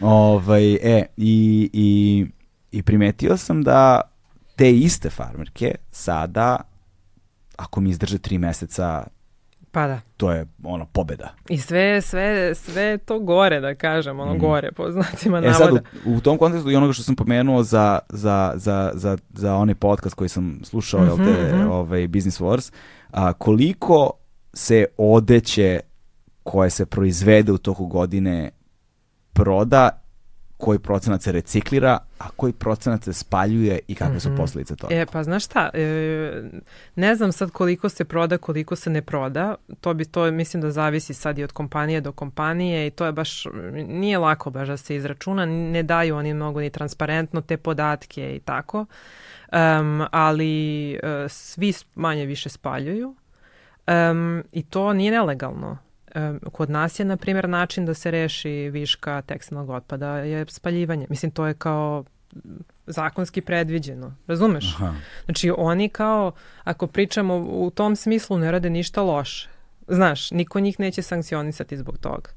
Ali kad gledaš u pogledu ekologije i na kraju krajeva koliko je tu nekog rada, truda uloženo da se nešto proizvede, koliko je tih e, voda otišlo da se ceo taj ono mm ta garnitura odeće proizvede da bi se posle spalila i na kraju šta je to što se spaljuje, znaš, jer kao gomila te odeće nije predviđena za, za uh, takvu vrstu odlaganja, mm. jer je upravo to od e, plastike nazovi ili na primjer ima neke printove koji su nisu predviđeni za spaljivanje, imaju neke u, u tom nekom smislu kao opasnije hemikalije ukoliko se nađu u vazduhu i tako. E, tako da to apsolutno jeste problem. Na primjer, to je um, ima ima na mhm. YouTubeu opet Deutsche Welle ima baš dosta tih modnih dokumentaraca koji su sjajni. Zato kad sam pomenula pre 3-4 godine da te takve redakcije se nisu bavile modom, mm. sada to više nije slučaj. Da. Um, baš ima super, super i filmova i emisija i podcasta globalno, kod nas još uvek ne toliko, nekako ta tema, mada kod nas nijedna tema nije da, da se kao nešto kontinuitetu komunicira. E, i, ove, i, I gledala sam sad baš, gledala sam taj film, ali sam videla da će na Al Jazeera da ga puste. E, opet kao još jedan način na koji se te, te, ti tekstilni brendovi rešavaju svog otpada tako što ih eksportuju u ta tržišta trećeg sveta. Ima toga i kod nas. Mm -hmm. Najveće tržište je u Gani. Ima e, i u Južnoj Americi gde bukvalno imaš pustinje od odeće. Znači mnogo je ono, baš je šok kad vidiš um, gde ono bukvalno samo izruče tu, tu neprodatu odeću koja tako stoji. U Gani je razvijeno to um, tržište uh, second hand odeće i taj, evo, taj dokumentarac koji će biti se zove, mislim da su ga preveli odeća mrtvog belog čoveka, Mm -hmm. gde zapravo priča se i o tome na koji način se te, tretiraju ljudi koji žive u Africi, gde i oni sami govore kao da ih ne, ne smatraju ljudskim bićima, da to na tom nivou, znaš, ono, se percipira i kao razvilo se to tržište second hand odeće koje jeste donelo novca nekakvog u Afriku, a s druge strane potpuno ubilo lokalnu tekstilnu proizvodnju. Znaš, mm. i oni su sad potpunosti zavisni od tog uh, neproda, od tog neprodatog tekstila iz zemalja najčešće Evrope, Kine ili Amerike, znaš. Da. I sve što se ne proda u Gani završava u prirodi. Uje, da. I sad, pošto je to... A koliko ono, je toga? Jel, se, ja, ili, ima neka estimacija? Ono? Ma, of, pa kažem ti, ono, zamisli pustinju od odeće. Da. Mislim, to bukvalno na tom nivou. Onako, u, u Gani, evo, baš pozivam ljude da pogledaju, to je film, mnogo je zanimljivo, ovaj, pošto niko od nas ne razmišlja o odeći na taj način, znaš. E, odeća naj, u najvećem procentu je od polijestera. Ona će ostati tu. Znaš, mislim, kao kesa, kao kese, ono, bit će da. tu ono forever. Mislim, ne da. bukvalno, ali sigurno 200-300 godina, da. znaš. A i onda će se raz, razloži na tu mikroplastiku. Mm. I, ove, I to je ono negde problem današnjice, ne samo modi, nego generalno što mi koristimo plastiku koja je tako jedan dugovečan materijal. Ona je, plastika je super materijal. Može da se koristi za sjajne stvari na primjer za, za građevinu ili slično, a mi je koristimo za jednokratne proizvode ili za one koje reklamiramo kao jednokratne, kao što je u slučaju mode. Da, da. Znaš, i to je potpuni paradoks. Mm, mm. Znaš, no, baš smo glupi. da, da, da, da, da, da, da. I, I eto, ono, sad imaš to kao uh, uh, odeća se spaljuje ili se eksportuje tamo gde je niko ne vidi, odnosno ne mm. vide je beli potrošači. Da kojima se jeli, uglavnom i prodaje i nikom ništa. Da. I to na tome ostaje. Sad što se tiče te reciklirane odeće, sad mnogo brendova jeli reklamirate svoje kao poduhvate za reciklažu. Mm -hmm. um, međutim, podatke koje ja imam je da se ono fazon 1, 2 do 3% odeće te reciklira uglavnom završava ili u spalionicama ili opet na tim um, second hand marketima ili uh, na prosto deponiji. Mm -hmm. Jer i oni, dakle ti ljudi koji, oni dobiju tu odeću u balama, znaš, i onda nije tu sve za prodaju. I onda što nije u pro, za prodaju, odmah ide na, na deponiju. Da. I ove, sad ja ne znam koji procenat je u cirkulaciji, a koji mm -hmm. procenat ide na deponiju, ali u svakom slučaju, mislim, svakako ne mali, obzir, ono, kako, kako je prikazano, kako mi možemo da vidimo, znaš. A ima i taj, e, to je meni baš bilo zanimljivo, da te odeća kao koju, koju primaju na reciklažu, pa se, jeli, ne, nije, nije pogodna za reciklažu, šalju, na primjer, to je isto, ima video u Bugarsku, gde, jeli, se spaljuje, mm -hmm I onda baš pričaju o tom aerozagađenju od te vrste odeće, a to je, mislim, opet nešto o čemu se ne priča dovoljno. Kad pričamo o aerozagađenju, ko razmišlja o odeći, znaš? Da, da, da, da. da. Šta se, šta se dešava kad se spali polijester, ono, šta se dobija to? Bila, bila, nam, ne bila, bila, nam, bila nam je ova Branka Piljić kad smo radili baš tema, uh mhm, -huh, tema uh -huh. nam je mhm. bila plastika i reciklaža, uh -huh, uh e, profesorka sa u Novosadskog univerziteta, ovaj, ali sam ali sam zaboravio. ali, ali preporučujem ljudima da to pogledaju da. i poslušaju. Ovaj, I ona je baš govorila, govorila o tim različitim vrstama jest, plastike. Jest i koje su njihova svojstva i šta se sve sa njome dešava. Pa, polijester nije plastika. Da, da, to je Znaš, naftni derivat. E, da, da, da, ali da kažemo da se tako kolokvijalno naziva zato što ljudima čini mi se lakše da skapiraju, znaš. Mm. Jer to kad kažeš ljudima da je ono jednoj majici od polijestera potrebno da se razgradi isto koliko i plastičnoj kesi, da. onda im je to kao, mogu da shvate o čemu da, se tu radi. A kad im sad tu pričaš o jedinjenju, ovom jedinjenju, onom, ne znam koliko je to da. generalno ljudima interesantno da prate, znaš. Mm, mm. E sad to nas vodi u sledeću temu koju si pomenula, to je hiperkonzumerizam. Da. Hiperkonzumerizam, mm. ovaj, gde evo, ja sam sebi zapisao, dakle tu nam stoji da je više od 60% sve odeće koje se proizvede uh, sadrži plastiku. Pa to je to, polijest, od polijestera. polijester, ne, nije da sadrži, nego direktno od direkt, polijestera. Da, direktno polijester. Dakle, više, da. Više od 60% je polijester, celokupne odeće i što je potpuno fascinantno, negde ovaj, um, uh, šta misliš, e, šta mislite, koliko puta više kupujemo danas nego, ne znam, 90-ih. U Srbiji? Ne, u, inače, inače, kao koliko puta više? 670. pa do. 20. Ne. 400 puta više. Da, da. 400 da. puta više kupujemo danas da. nego pre samo 30 godina. Pa ne ni 30, 20, 20 od 2000-te, da, da, da. I to je taj jedan podatak koji je iznala ta jedna organizacija EcoAge iz Velike Britanije, Um, ima i drugih neki, svi su tako, ogromne su cifre. Mm. Uh, ovaj, nije ništa sad specijalno kao neka razlika, ali ja njih volim da navodim zato što baš cenim rad njihov. Mm. Ovaj, da, mi kupujemo danas mnogo više nego pre samo 20 godina i sad šta se tu desilo? Jel? Sad ćemo malo pričamo o tom marketingu, našoj omiljenoj da, da. oblasti. o, da. da. da, da. Teška priča. Teška teške, priča. Tem, teški teme slede. Nije na šta, ono, kao mislim da svi ljudi koji su radili u medijima neki duži broj godina da imaju ono traume, ono, od... Znaš li ti da se ja i dan danas, i dan danas, uh, posebno nedelja na ponedeljak, da. svakog ponedeljka ja se probudim ujutru, ali mi se to dešava inače, ono, da? svakog dana, ali je akcentovano ponedeljkom. Probudim se ujutru i onako ležim u krevetu i imam onaj, znaš onaj, prvo jutro na godišnjem odmoru, kad se probudiš, shvatiš da ne moraš na posao, nego je kao na moru si. I onda to Neka, osjećanje uf. unutrašnje topline i zadovoljstva, pa kad se protegneš o krevetu i samo okreneš na drugu stranu i kao ne moram da ustanem. Kao ne moram danas ništa. E, ja i dalje ne mogu da se oslobodim tog osjećanja. Znaš, to, to, e, i dalje svako jutro kad ustanem ja osjećam taj moment te rasterećenosti kao wow, jebote, ne moram u kancelariju, da, i, znaš kao, ne moram u redakciju.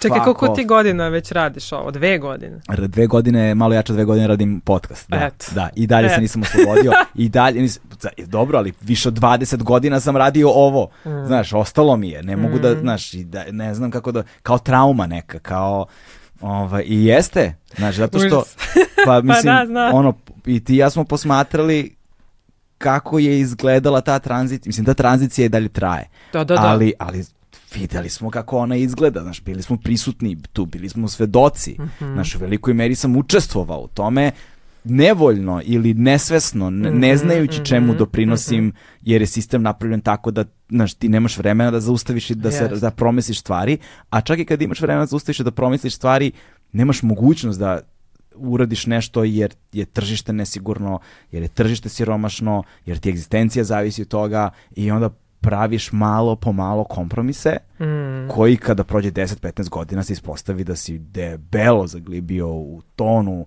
užasnih stvari. Da. Znaš to. Da, da. I, sad, kako, kako da ne budeš istraumatizovan?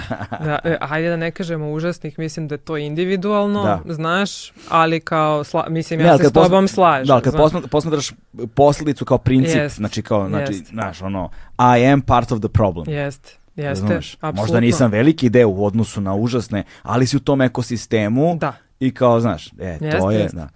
I nekako mi je zanimljivo ovo što si rekao da. da smo mi tu bili prisutni i videli šta se dešava, pa eto malo ćemo i o tome. Da.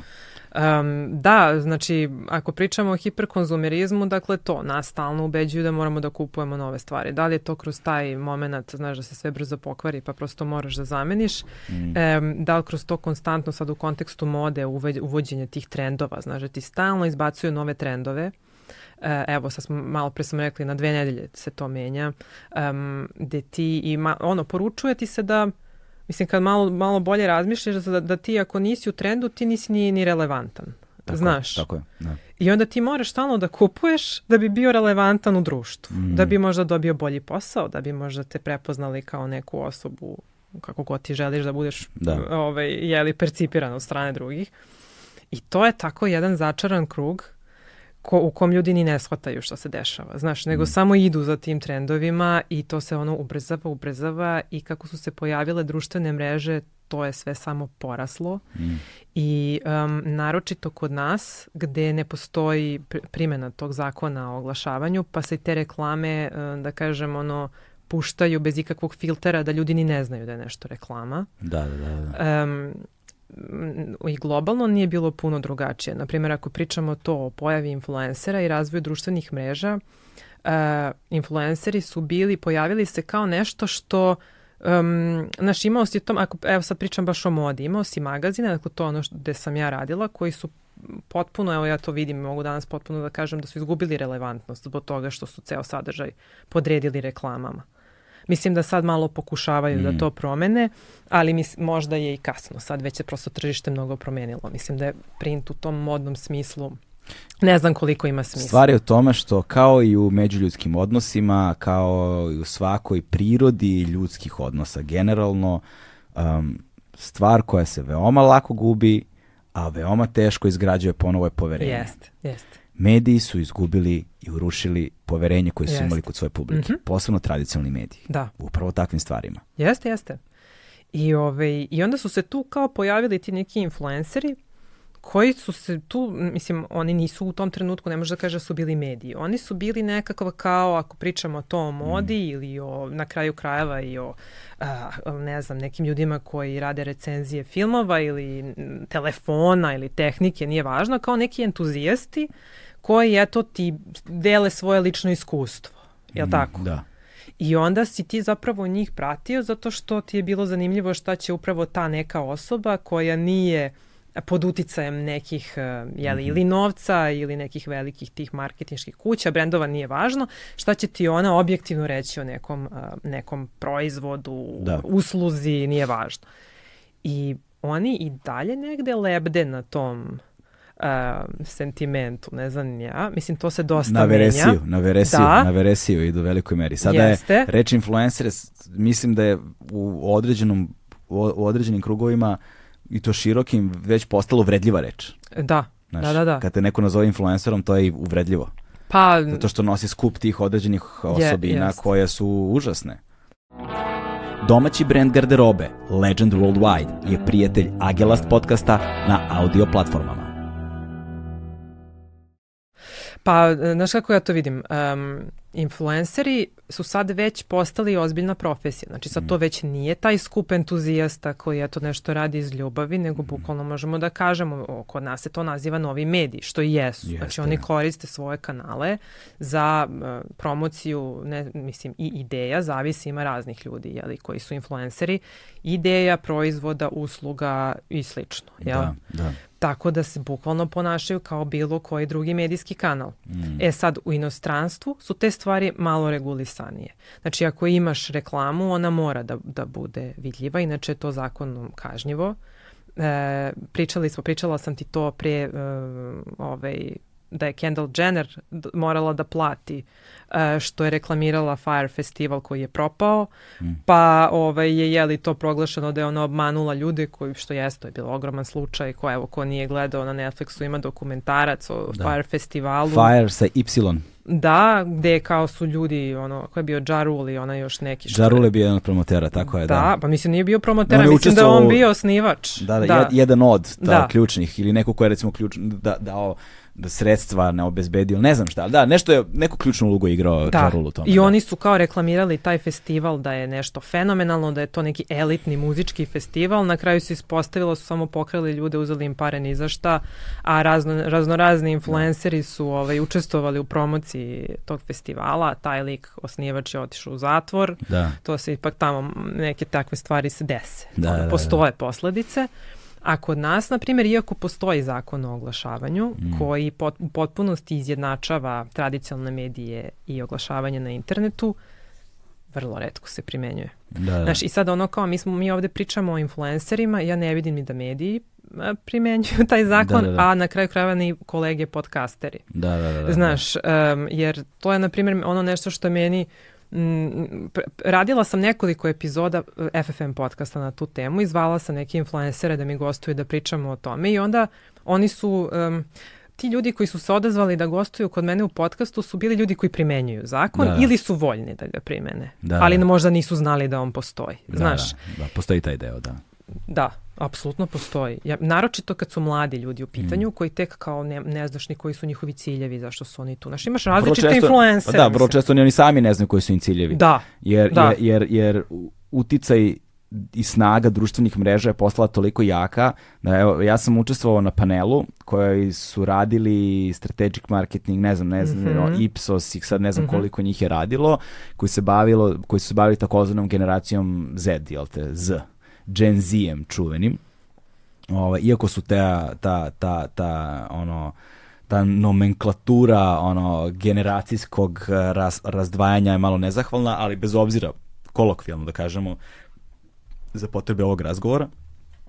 I oni su radili zapravo sa klinicima koji su rođeni 2000. godine na ovamo. Mm -hmm, A, mm -hmm. I to, su, to je istraživanje koje je, na primjer, sprovedeno, trajalo godinu i po dana, na uzorku od ne znam koliko desetina hiljada klinaca, znači prilično veliko i opsežno istraživanje i došli su do određenih podataka koje su prezentovali na tom panelu, gde smo govorili o tim navikama mladih, Dobro. o I jedna od stvari koje su primetili u sa vel, gde kao da se desila ogromna razlika u odnosu na pre, sve prethodne generacije, jer jeste recimo ta kulturna matrica i ta kulturna tačka identifikovanja sa time šta želiš da budeš kad porasteš. Nekada je ono šta želim da budem kod porastem, kod ne znam, devojčica, dečaka, ovako, onako bilo, to su bili, znaš, ne, neka zanimanja koje su, ono, svi znamo. Astronaut, uh, uh, ne, znaš, tako, tako neke stvari. Kao, znaš, jedno od, jedno, top 3, ono, o, delatnosti širom sveta je bilo, kaže, porasem želim da budem astronaut ili da, astronautkinja. Da, da, to da. smo svi želeli da budemo, da idemo u svemir. Doktori, Znaš ne znam šta je. Ali ono astronaut je tu bio. Znaš šta je sada?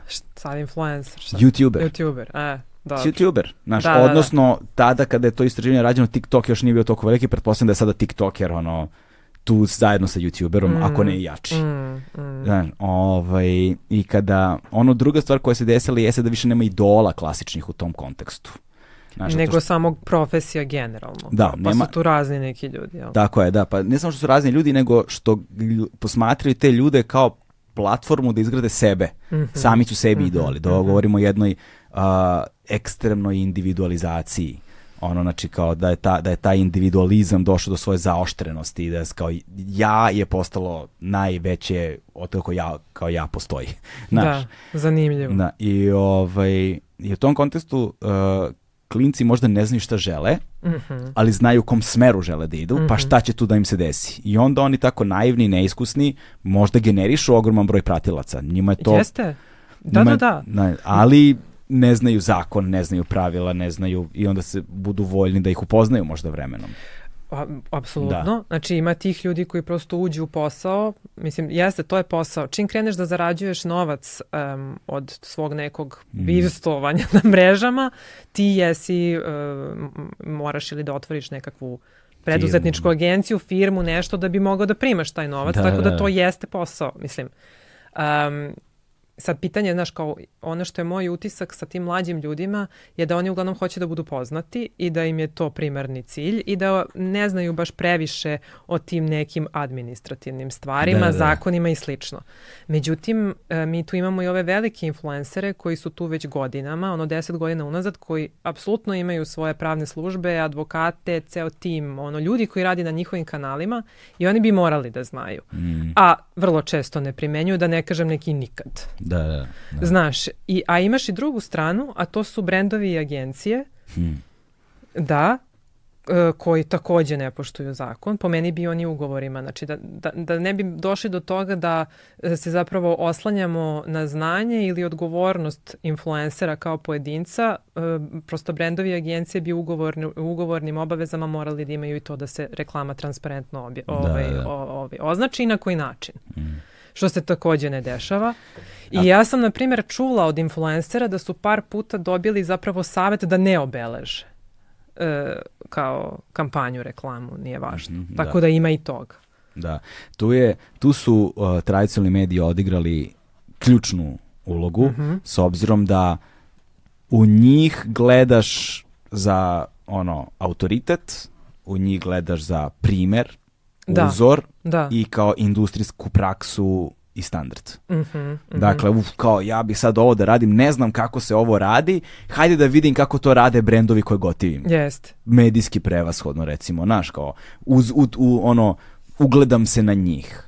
Znaš, Jeste. ako hoćeš da se baviš, ne znam, uh, um, uh, ne, ovaj, road movijem, hoćeš da se baviš dokumentarizmom, hoćeš da se baviš modom, hoćeš da se baviš ovim ili onim, šta radiš? Odeš pa gledaš brendove koji to najbolje rade, pa pratiš njihovu praksu Da, da. ovaj, i primenjuješ onoliko koliko ti, je to, koliko ti je to moguće. I tu nailazimo na problem zato što mediji i generalno korporativni sistemi, pošto mi sad te medije možemo da nazovemo korporacijama, jer oni to jesu, odavno, su, odavno oni nisu u službi naroda i javnog dobra, ovaj, već, već u službi profita, jer onog trenutka kad su vesti počele da zarađuju novac, tog trenutka smo mi izgubili objektivnost u, me, u vestima ovaj, i izgubili smo prioritet eh, tema od javnog interesa koje ne bi trebalo da mogu da se kupe. Znaš, to je sada.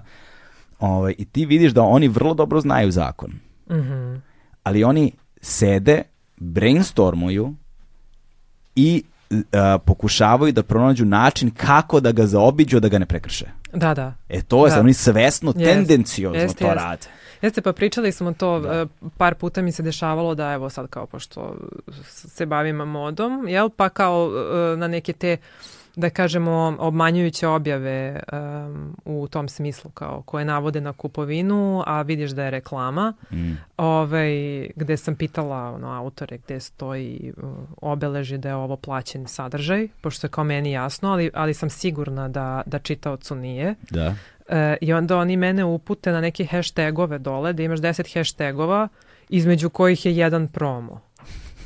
Znaš, pa ti sad kao, ono, Da. sedi čitaj hashtagove, ono, mislim, znaš, Da, kao, da. vrlo se e, Da. računa na to da prosto čitalac neće to primetiti. Tako je, da. To, A da oni mogu da se prosto Mm. ograde, da kažu, to, to u prevodu znači ovako. Ti vidiš naslov, fotografiju, neki članak, nešto što ti privuče pažnju, što je predmet tvog interesovanja, što ti deluje da na neki način može iz bilo kog razloga tebi da bude značajno ili zanimljivo ili zabavno. Mhm. I ti klikneš na to.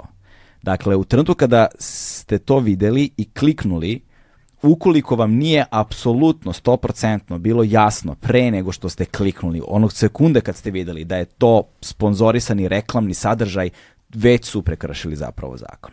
Mhm. A onda ti klikneš na to. Da. Pa imaš naslov koji ko zna šta ti kaže i ko zna kakav efekat ti izaziva na tebe.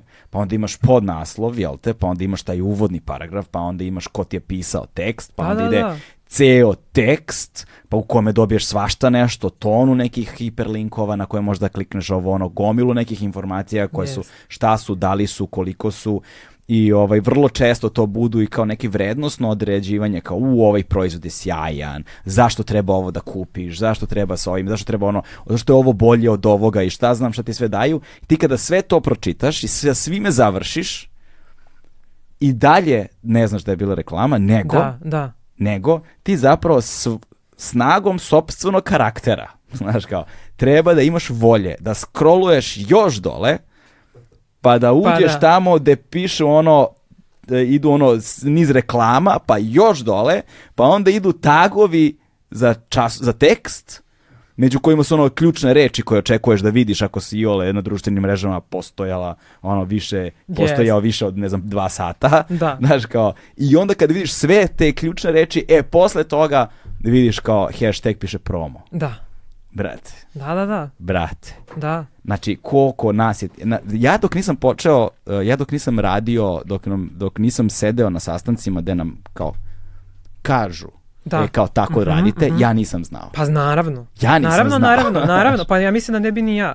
Da. Da, kao nisam radila, razumeš? To, to, to. Ali uh, ovo što si sad pričao kao kako se klinci ugledaju na youtubere Mm. i to i, i onda razmišljam pa i ja sam. Mislim, Svi smo. da, da, da. Svi da. smo. Ne nužno na YouTuber, ali daj, svi smo. Da, Znaš, da, da. Šta, hoćeš da ja, šta, ja treba da kažem da, ne znam, ono, šta god mislili o Joe Roganu danas, da nije izvršio utjecaj na mene. Pff, mislim, koga ja lažem? Pa dobro, da. Kao- na čitavu pop kulturu. Mislim, Mislim, sad, ne, to, je neosporno. Znaš, ne, Da. znaš, ako ćemo da govorimo, mislim, uh, uh, a kad već govorimo o tome, o muzičarima, Mhm. frontmenima, znaš, pa meni su bendovi bili ono bogovi kad sam bio klinac. Da, ja razmišljam sad, znaš, um, to kad sam kao koncipirala podcast, pošto ja nemam nikakvog iskustva, da. ti, si, ti imaš iskustva, bio si tebe voditelj, da, šta ja da. znam, ja nisam, ja sam samo pisala, da, znaš. Da, da. I nisam, nisam, nemam tog voditeljskog iskustva, plus podcast. Da. Znaš, kao, ko jedna nova forma koja ima svoj um, mm. uvod, kraj, kad treba kažeš subscribeujte se, da, znaš, da, da, ono, da, ima, ima on svoj, svoj format. Da, znaš. da. A ta nije, kad sam ja pokretala podcast, nije postojala nikakva podcast akademija. Mislim, da, da, da, jasno, jasno. jasno da, da, da. ne znam da li postoji i sad, ali ne bi da. me čudilo. Nadam se da ne. da, da. I onda sam to kao gledala, meni su uzori bili Star Talk mm -hmm, da. i, i Neil deGrasse Tyson, Neil da. i Chuck Nice i, i ta jedna um, Caitlin Doughty, mm -hmm. ona je, njen kanal se zove Ask a Mortician, ima i podcast, ima A, i YouTube. znam za Ask a e, Mortician, da, da, da. da ona da, da. mi je carica totalna da, da, da. i kao onda sam gledala njih na nivou kako oni pakuju sadržaj. Kao to mm. mi je bilo u tom smislu. Da, znaš. ali Neil deGrasse Tyson u tom kontekstu nije zahvalan jer on to ne radi baš najbolje.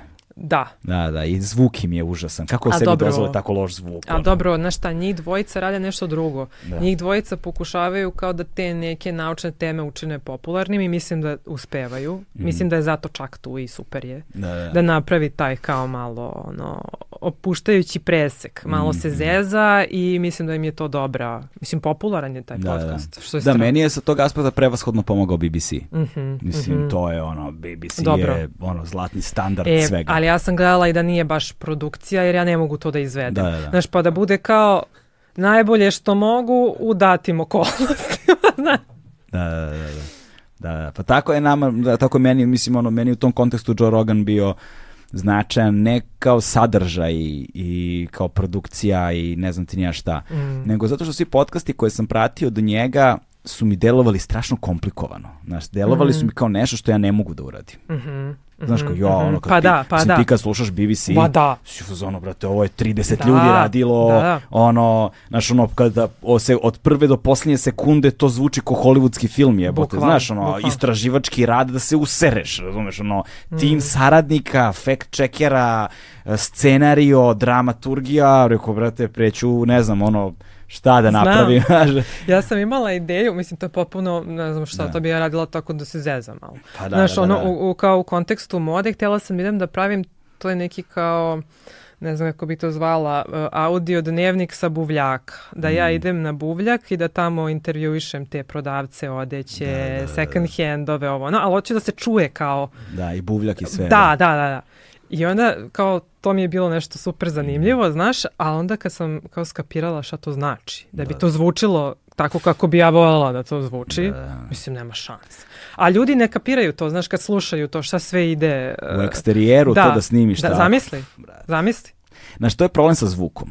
Zvuk je, zvuk je u produkciji jedna od najpodcenjenijih stvari, baš zbog toga što, znaš, zvuk, posebno kad govorimo o slici, znaš, zvuk akcentuje sliku, znaš, pa daje da. joj na težini, na dubljem kontekstu, na značaju, na ono, na, na, na produbljivanju onoga što gledaš, znaš. A, ovaj, I ti kad vidiš kvalitetnu sliku, ti automatski na vizualno reaguješ wow, mm, znaš. Mm. Kada čuješ dobar zvuk, to ti je samo normalno. Da, da, da, da. To je to znaš, što kažem, ne, zapravo, ne kapiraju da. ljudi koliko truda ulazi u to da zvuk zvuči normalno. Da, da, da, da. Znaš, tebi je, tebi je uh, da, da bi ti zvuk uh, zvuk primetimo onda kad ne valja. Mm -hmm, Tad ga mhm, primetimo. Mm -hmm. Sliku primetimo i kad valja. Znaš, jest. kao wow, vidiš što je dobra slika. Jest, Niko jest. ne kaže wow što je dobar zvuk. Mm. Mislim, kaže, ali vrlo mali broj ljudi u odnosu na one koji su oduševljeni kako nešto izgleda. Jest, jest. Prevashodno smo vizuelni tipovi i podcenjujemo i onda su i onda, na, i, onda i mnogo je manje love u industriji zvuka osim u muzici, to je druga stvar.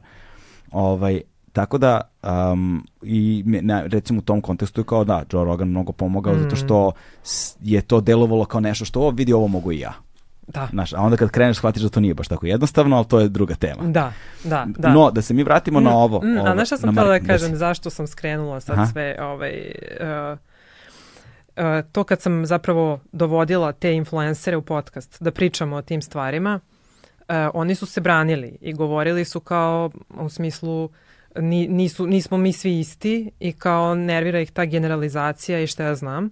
Ja sam onda sela i zapitala se, pa da, mislim, zašto, da. zašto mi sad pričamo samo o influencerima? Ok, mm. oni jesu možda najuticajniji i dalje, u tom smislu da. kao prodaje robe ili usluga, ali to se dešava sad i u našoj zajednici. Tako je. Znaš, kao ne mogu sad da kažem to je problem influencera, mm. znaš, nego to je problem medija i novih medija. Da. Svih nas koji boravimo na bilo koji način u javnom prostoru. Da, i imamo neki sadržaj i imamo, kako da, da kažem, platforme na kojima mogu da se reklamiraju proizvodi ili usluge. Mm, tako je. I, ove, I nekako bih to volala da naglasim zato što se sad taj e, podcast prostor kao percipira kao neko uh, mesto slobodnog govora, što mm. jeste i meni je, mislim, jeste u smislu uh, kad se pojavila ta podcast zajednica, to je stvarno bilo ono najrazličitijeg sadržaja koje meni godinama unazad nedostajao jer uh, sve je postalo uniformno i ti kao da kažemo influenceri koji su se pojavljivali takođe su svi ličili jedni na druge. Ni tu mm. nije bilo ničeg da kažemo tek sad, i, mislim nije tek, da. ono, tek nekoliko godina influenceri postoje više od 10 godina, na što je nešto o čemu ne razmišljaju ljudi, znaš. Da, da. Ma, možda Dekada. i 15. Da. da, da. Tek poslednjih 5-6 je to krenulo malo da se uh, razvija u smislu da postoji različiti sadržaj uh, među njima.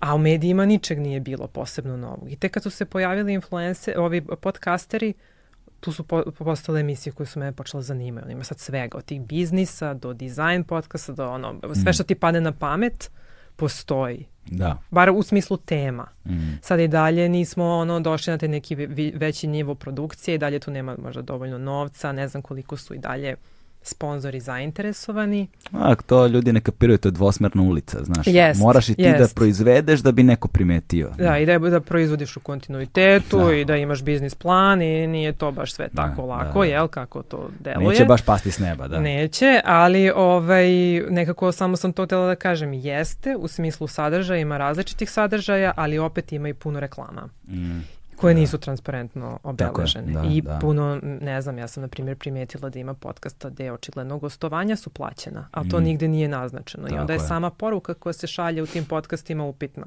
E, znaš, naročito ako su neki aktivistički po, e, podcasti u pitanju ili, na primjer, biznis podcasti gde onda postoji prostor da se neke XY osobe uspostave kao nekakvi mm. a, stručnjaci, a nisu... Stručnjaci, autoriteti. Da, da kvalitetni da. brendovi da. koji dobijaju prioritet u odnosu na druge tako brendove, je, tržišno je. pozicioniranje, da. a, kvalitet usluge i tako dalje i tako dalje. Znači, to da. je ali ono što je najstrašnije u svemu, ajde kada ti imaš uh, plaćeno gostovanje ili još gore uh, pl plaćenu temu. Da, da, da. To je sad što, to je nešto što, to su pozivi koje ja dobijam ono, Et, relativno često zanimljiv. i naravno sve ih odbijamo. Ovaj, ali to je da tebe, na primjer, nazovu i kažu ti, e, a, mi bismo da ti, ne znam, u maju mesecu, nije važno. Tad imaju kampanju. Da, neku. Da, govoriš o toj i toj temi. Aha. Nemoj nas nigde da pomeneš, nas to kao ne zanima. Aha, aha, aha. Ovaj, dovedi stručnjaka u toj oblasti, kogod ti želiš. Nama je samo važno da to bude tema u maju mesecu. Da, da, da. da I mi da. kao mi smo spremni to da platimo. Mm -hmm. Razumeš? I sad ljudi, ljudima to deluje kao potpuno bezazlena, be, uh, bezazlena stvar. Mm. Kao nešto što je kao cool, ja ću to da radim kako ja hoću, kako ja mislim da treba, znaš, kao dovešću ono, stručnjaka ili gosta, goste, gošću koje god ja mislim da treba i tako dalje. I sad, znaš, tu postoji milion nekih stvari, stvari koje ti možda kažeš sebi u, u korist u odbranu. Mm. Ali ono što je problem, što ljudi ne razumeju, jeste da oni će platiti tebi da ti, ne znam, sad maj, oktobar, nije bitno kad ono, govoriš na tu temu, ali oni će platiti još 150 nekih različitih ljudi u različitim oblastima koji će u istom tom periodu da govore o istoj toj temi. I šta će se desiti u javnom prostoru? Odjednom će ta tema postati tema od javnog značaja. Da, dakle, neko da, je da. komercijalnim novcem kupio temu od javnog značaja. Da.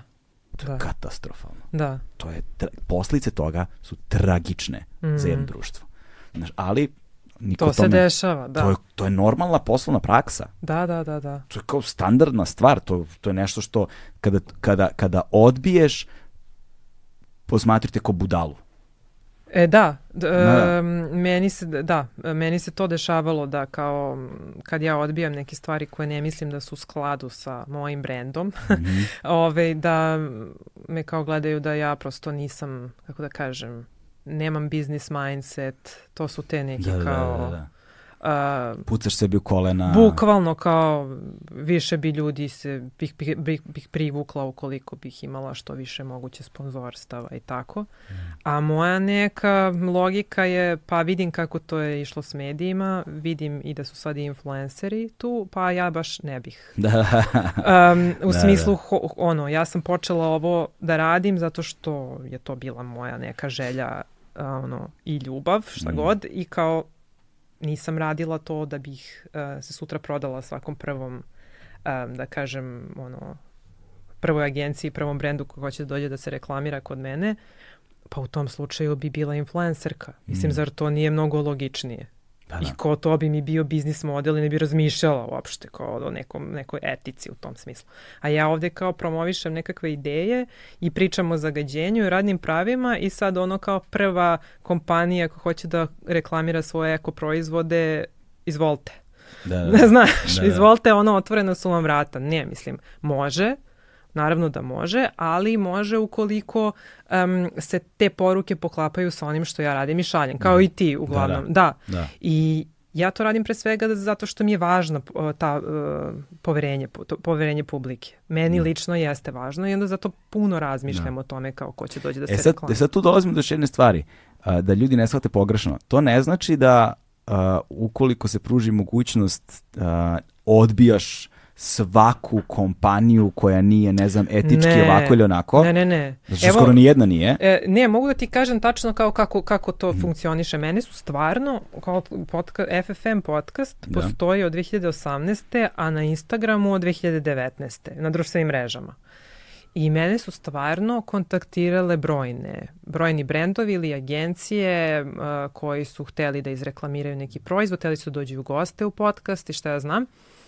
I, ok, neke stvari nisu bile, prosto nismo se poklapali, ali za većinu ja dam, uh, kako da kažem, um, kažem im ono može, zašto da, da ne, ali hajde samo ukoliko mi je dopušteno da kažem um, čitavu sliku. Ono kao ukoliko brand ima neku održivu akciju ili održiviju akciju, a generalno ne posluje održivo, ja hoću da imam prostor da to kažem. Tako je, da. I nema, nema problema da mi izreklamiramo tu njihovu, uh, da kažem, održiviju akciju, ali prosto da imam prostor da kažem i, i ovo drugo. Da. Ne moramo da. da se fokusiramo na to drugo, ali hoću da napravim disclaimer tog tipa, da. razumeš? Pa da, samo je važno biti transparentan i iskren. To je da, sve. Da, to je da. Sve. I na kraju, naš, ono, za sad mi se još nije desilo da, da neki brend ili agencija prihvati. Ja ne mhm. mislim da je to zbog toga što su oni neki loši ljudi koji hoće mene da zeznu i da zeznu publiku.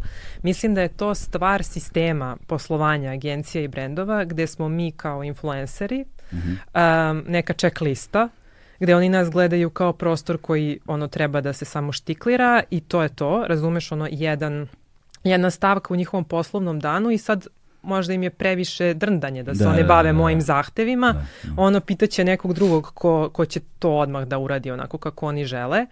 Uh, a mislim da je i to pogrešno, mislim da je jako važno, barem kada su evo o, o teme ekologije ili radnih prava u pitanju, da nas posmatraju kao saradnike. Jer ja mislim da ja njima mogu da pomognem. E, znaš, da. ne mislim da je transparentnost loša stvar u marketingu. Čak ako gledamo te neke marketing trendove, e, baš sam skoro čitala taj neki tekst gde govore da je transparentnost, odnosno taj brutalno iskreni marketing, tako su oni mm. to nazvali, strategija budućnosti. Da, da. Jer ovako kako sada idemo, e, dolazimo do toga da će se uvoditi ozbiljne kazne za, za uh, tu vrstu netransparentnog marketinga uh, koja je zapravo obmanjujuća na da. kraju kraja, znaš. Jeste. To je, e sad, to je jedan vrlo kompleksan krug, nije to tako jednostavno, zato što s jedne strane uh, mi smo strahovito malo i siromašno tržište. I onda i ti brendovi veliki koji se nalaze kod nas, mali je udeo godišnjeg budžeta sa globalnog nivoa koji se odvaja za, ne znam, Srbiju ili bilo koju zemlju u regionu. Jest, jest. Znaš, i za Bosnu, i za Hrvatsku, i za Crnogoru, i za, znaš, što su mali budžeti. Da, da, da, da. da. A, druga stvar je što su zahtevi tržišni ogromni. To se u medijskom sistemu vidi. Tri prve stvari koje su otpale sa savremenim alatima, digitalnim alatima u, u medijima su vreme, mm -hmm. Novac mm -hmm, i mhm. ljudi. Dakle, ti nemaš sredstva, nemaš vreme i nemaš ljude za jednu priču. Jest, Tebi jest. umjesto da jedan novinar ili tim novinara provede ne znam, tri meseca lupetan, koliko god da je potrebno istraživajući jednu priču sa nekim budžetima koji mu omogućuju da istrajavaju u tom istraživanju, da žive od toga, ovaj, ti imaš da ljudi sede u redakcijama moraju da izbace 15 tekstova dnevno da bi dobili da bi imali rič na Facebooku i Instagramu da mm. dođu do toliko pose, broja poseta mesečno jer će im te posete obezbediti toliko sponzora. Jeste, jeste, Znaš, jeste. I to je poslovni model koji je kvalitet sadržaja koji onda ti ljudi izbacuju za, u, kada izbacuješ pet tekstova dnevno i imaš tu hiperprodukciju svakoga dana, koji je kvalitet toga? Mislim, nikakav. Isto ti tako i u agencijama. Ti ljudi iz agencija koji te zovu, taj ima kvotu koju mora da odradi znam. brate u toku dana. To i kažem, ti si im jedna stavka, hirovima, bukvalno, znaš. ti si jedna stavka na listi, hoćeš, hoćeš, nećeš, ne moraš i to je to. To. I niko, naš, i pritom se tu kreira ekosistem uh, linije manjeg otpora, da, da. gde kao, e, slušaj, znam ovih deset, njih ću da sredim za 20 minuta, već imamo ustaljenu šemu, Znaš, a ako se budem bavio i ovom budalom i ovom budalom, završit ću jednu osobu dnevno yes. i iscimaću se ko kreten, yes, razumeš, yes. to je. Ne, znaš, um, ja sam radila u jednoj korporaciji velikoj i oni su tamo pokušali da uvedu, ne znam šta se sad dešava, jel, pošto da li je ostalo to radno mesto ili ne, e, osobu koja se zvala influencer manager, koja se samo time, samo se bavila influencerima. Ja mislim da je to pozitivna stvar, da, da je to bilo dobar potez. Da. E, zato što su upravo primetili to da kao neki influenceri koji su bili angažovani nisu bili u skladu s brendom. Da. E, i, I tako, razumeš? Da, to se često dešava. Pa da. To se često da. dešava. To se baš često. To se baš često dešava, što nas, onda, što nas sad dovodi uh, u još jedan aspekt uh, um, uh, tog hiperkonzumerizma koji smo govorili i problemu uh, ovaj, kako, se, kako, kako su mediji zapravo odigrali ključnu ulogu u kreiranju tih uh, kulturnih modela. Da, da, da. A, I tog marketinga koji smo pomenuli, to su, to su ovaj, ti marketinški trendovi mm -hmm. a, koji su doveli te, do uh, ubrzanja mode i do ovaj, poruka koje oni šalju, a koje su vrlo, hm, kako to da kažemo, um, gde su zapravo, to je, de, ajmo ovako se zustavim da razmišljam. Dakle, to je, dakle, poruke koje oni šalju su samo uh, um, na papiru uh, ono što, dakle, oni koriste trend da bi mm -hmm. prodali svoj brand, a zapravo uh, se ni na koji način ne investiraju u ono što prodaju. Čekaj, ajde da probam ja da objasnim. Ok, ajde. Da. ajde.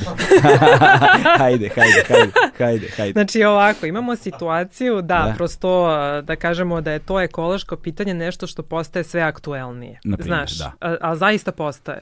Mislim, ne samo zato što je to trend, nego zato što su sve vidljivije posledice klimatskih promena, zato što imamo sve više aktivističkih organizacija koje su glasne. Mm -hmm I um, kada pričamo sad o modnim brendovima, imamo dakle te organizacije koje nam otkrivaju na koji način oni posluju, u smislu razotkrivanja tih lanaca proizvodnje, zatim tih ekoloških posledica i slično. I oni su dosta popularni na društvenim mrežama, što utiče na brend, na imidž da. brendova. Odnosno na navike potrošača, Na navike i na imidž. No, tako je. Znaš, jer kao ti ako imaš neki brend koji je nebitno skup ili jeftin, svako od njih prodaje lifestyle. Znaš, ma, malo brendova danas prodaje kvalitet. Da, da. To je ono što ste ti pričao sad za Patagoniju. Oni imaju tu neku, da kažemo, lojalnu grupu kupaca koji kupuju zato što je to kvalitetno i zato što je namenjeno za određenu vrstu upotrebe. Njima se samo kvalitet i lifestyle poklapaju. Tako je, tako je. Da, to je, da, to, da, da. samo je to, to da, stvar. Da. da se ne poklapaju, možda ni oni ne bi. Ali eto, ne potrudili da bi, su se. Ne tvrdim da bi, ne tvrdim da ne bi, da. ne tvrdim da ne bi, ali ne znam. Da, da, da. E, i sad, znaš, ono, kao sprovedeno je bilo u nekom trenutku nekakvo ono, istraživanje tržišta gde je preko 60% ljudi reklo da bi radije uložilo, odnosno kupilo od brenda koji uh, je društveno angažovan. Mm -hmm. Znaš. Društveno odgovoran, recimo. E, da, da. da. odgovoran, da, ili angažovan ako pričamo sad ovdje im tim sistemi da. za reciklaže, ne znam, ni ja, zapošljavanje ljudi iz ugroženih kategorija. Ima šta tu raznorazne neke angažmane koji brendovi kao rade, plasiraju, reklamiraju šta god. I ovaj, I um, šta se onda desilo? Onda su modni brendovi odlučili da na tome profitiraju. da. I um, zapravo smo, su došli do, tih, te, do te jedne određene vrste reklama koja se zove greenwashing. Um, ja sam pokušala to da prevedem, um, ne samo ja, to, kao ta neka naša zajednica da. tih ekologa koji se bave tim terminima, pa smo probali da dođemo do nekog kao prevoda za tu reč greenwashing koja ovako baš ružna. Mislim, da. znaš, i kao na srpskom baš je da, da, bez da. veze. I kao to, to smo preveli na nekoliko načina kao eko obmana, eko mani, manipulacija ili lažni zeleni marketing. Mm -hmm. koji je možda kao najduža formulacija, ali možda ljudima najjasnija. Da. E, da, i ovaj, Tako da se tu zapravo radi o korišćenju nekih ekoloških termina, um, ekoloških ili um, ne znam kako sad da kažem, to su neki termini kao što su eco-aware, conscious, da. uh, ne znam, to sustainable, razumeš, da. ne mora ni nužno da bude kao ili natural, natural da. origin, šta god, da, da, da kao da, koji te kao asociraju... Organsko, prirodno, baš održivo, savesno, savesno, da, da, da, to. Da te kao asocira na nešto što bi trebalo da, da ukazuje na nekakvo bolje poslovanje. Pa da, to je kao industrija hrane, što kao, da. znaš, na, na, na 100 100% veštački sok stave sliku voća. Pa sad ti čitaj deklaraciju, znaš. Da, da. I uglavnom su te kampanje obojene u zeleno. Da. Znaš, sve, cveće proleće, ono, mi smo fini, mi sve radimo najbolje, evo dođite, kupujte kod nas, znaš. Mm. Ovaj, možda sam malo digresiju da napravim, palo mi na pamet, mislim ima vez. Da. Ovaj, jer sad, sad brendovi, dakle osim ekologije, um, iskorišćavaju raznorazne društvene pokrete za, da. za reklamu. Da. Za, odnosno da bi se brendirali kao, kao kompanija koja nešto radi ili je prosto posluje etički i ekološki. Pa smo tu imali iskorišćavanje raznoraznih feminističkih pokreta, Black Lives Matter, na primjer, sad mi pade na pamet i tako. Ovaj, mm, da, da. Bilo je tu, dakle, uh, um, raznoraznih tih washing uh, da, da. poteza. To je taj, kako se zove, woke washing. Da, woke washing, woke, da. Woke da. washing, da, to je da. ovaj, sve što su um, dominantne društvene teme ili uh, iz kao nekih društvenih praksi i teorija koje kao čine društvo progresivnijim mm. i boljim u odnosu na ono kako je bilo ranije. I tu kada govorimo o različitim senzitivnim grupama od rodno senzitivnih do drugih ugroženih do gru, drugih ugroženih grupa preko um, kako zove body positive jel te da to je kampanja, kod nas bilo sad. Da body positive kampanja. Dešava se to da kompanije, dakle taj woke washing što smo rekli, znači koriste te elemente društvenih promena mm -hmm. koje čine naše društvo, individualno naše živote, pa naše zajednice između ostalog i tako dalje, progresivnijim, uh, koje rade na poboljšanju kvaliteta života, jednakosti, ravnopravnosti i tako dalje, ovaj, u kojima uh, brendovi samo prepoznaju to, potencijal za profit i marketinško pozici pozicioniranje. I onda lažno se predstavljaju kao delovi tih pokreta, a zapravo nisu od feminističkih, e, da, body pa, positive, eto, do ekoloških. Do ekoloških, da, da. da. Ja to nekako posmatram kao, uh, znaš, kao političke kampanje kod nas. Ono u smislu, uh, ja ne mogu da kažem da nijedan od tih brendova, kao da brendovi ne rade uh, nešto dobro, razumeš? Mm. Ali to funkcioniše, evo zamisli kako to kod nas politička kampanja izgleda, kad neki političar uradi nešto dobro, o tome se svuda priča, mi smo najjači, ovo je fenomenalno ludilo, a kad se desi nešto loše, to se samo ignoriš. Da. Znaš, e, to je greenwashing, razumeš? Kao samo je fokus na onome što je dobro ili bolje, mm -hmm. u neznatnom procentu, a sve ovo ostalo što je loše, dakle stavljanje u širi kontekst koji je neophodan za objektivnost, to ne postoji. Da. Znaš, da. i zato je to obmana. Da. Zato što se ljudima poručuje da brendovi brinu, mm. ali ne u kom procentu. da, da. E, pa da, to, ne samo u komponentu, nego vrlo često je, je u pitanju i svesna obmana. Da, da, da, da, da, da. Svesna obmana, obmana u kontekstu, kao, to, koji si mi to primer navela Bilo je, e, da, taj jedan primjer je baš kao nekako popalio internet, ono, kad je bilo sa Adidas Stan Smith kampanjom mm -hmm. koja je u Francuskoj, oni imaju tu neku etičku komisiju za advertising, to vidiš? Da. Znaš, to nešto kod nas ne zamisli. da, bukvalno, da, da, da. Bukvalno. Možda postoji negde na papiru kao naš. Ono, ja ne verujem. da, ne znam, ali da, bilo bi lepo to proveriti. Da. da, da. I, ovaj, I oni su, zapravo, um, potrošači su se obratili toj komisiji da istraže kampanju i ta kampanja je ocenjena kao obmana. Mislim, mm. onda u Velikoj Britaniji je urađeno, da kažemo, ono, istraživanje tog tržišta, marketinškog tržišta za te ekološke kampanje. To je radila ta jedna organizacija, zove se Changing Markets, u stvari fondacija, Changing Markets Foundation, gde su oni iznali taj podatak da je skoro 60% e, reklama modnih brendova u 2021. godini zapravo bilo obmanjujuće u proseku. Što znači da su neki brendovi obmanjivali, razumeš, 90%, a neki 10%. Da, pa da. prosek je 60%. Da, da, da. Da. Što je ono zastrašujuće. Znaš, ja, ja, mene baš zanima kao da li ljudi kod nas, ne znam, zaista ne znam, nemam kao nikakvu informaciju, a nemam ni utisak, da li ljudi preispituju, evo mogu da nam kažu u komentarima, da li preispituju um, poruke? To ti da čitaš komentare. da, počitaću, mene zanima. Da, da li ove, ovaj, ljudi preispituju poruke koje im se šalju u reklamama, nevezano za ekologiju? Znaš, mm. jako me interesuje. Ja mislim da to malo zavisi od uh, poverenja koje imaš u određeni brend navika koje imaš kreirane, znaš. Da, a na osnovu čega imaš to poverenje? Pa, Ili ga nemaš? Da. Znaš, da. ono, to je zanimljivo, jer kao nema nekih posebnih diskusija na tu mm. temu, nema nekih posebnih analiza reklama, a nema ni tih etičkih uh, odbora, odbora. da, da, da. God, da. Pa da, znaš, zanimljivo je. Ali da. da, šta sam tela da kažem, gledala sam skoro, mislim kad gledam kako, kako to ide sa tim korporacijama i tim svim tim silnim društvenim pokretima ili ekološkim pokretima koji se sad eksploatišu za, zarad ono, brandinga, hmm. um, ima, slučajno sam gledala neki kao neku seriju zove se The Moth Effect, kao neki pokušaj um, ovaj, kopiranja Pythonovaca. Mm -hmm. I nije loše, kao smešno. I onda imaju taj neki skeč kao korporacija, zove se Jen and Berries mm.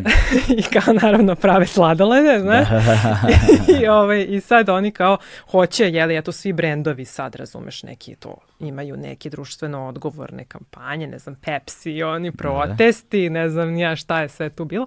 I kao, ajmo i mi nešto. Mm. Znaš, i onda se imaju sastanak kao kako će oni da biraju temu. I onda ovaj jedan kaže, pa eto, kao nejednakost u platama, možemo to nekako kao da osvestimo, kao da, pa ajde, super, to je dobra tema, kao kako ćemo to, znaš.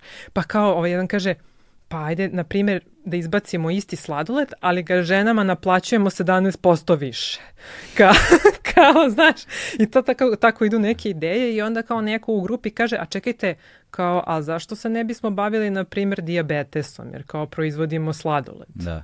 A ne, ne, ne, ne, to neće. Da, da, da, da. I onda kao, znaš, Mislim, ok, kao to je ono forica, ali mislim na kraju da. zaista tako ispada. Znaš, ja ne vidim da neki ti veći modni brendovi zapravo ukazuju na, na mm. problem svog poslovanja u okviru teme kojom se bave.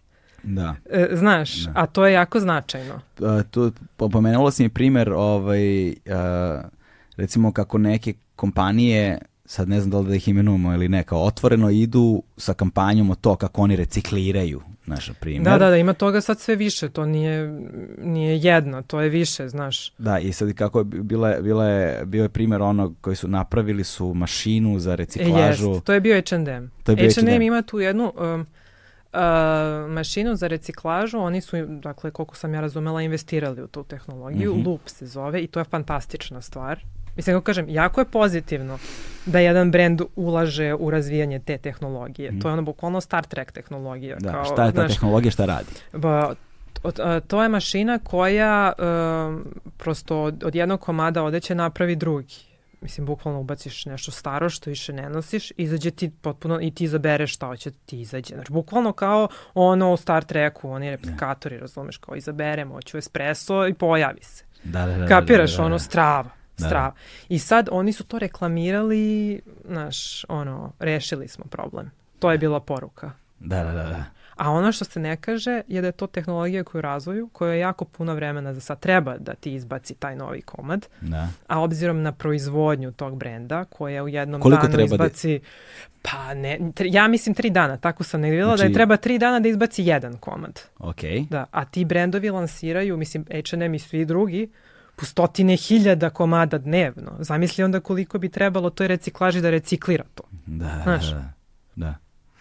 A, ti, ali a, a koji, je, koji je energetski utrošak te mašine? Da, ne, mislim da je to sve zapravo kao okej. Okay. Aha, da su da. se potrudili, mislim, znaš, nije tu stvar, mislim da se brendovi trude. Problem da. je samo u komunikaciji tog mm. truda.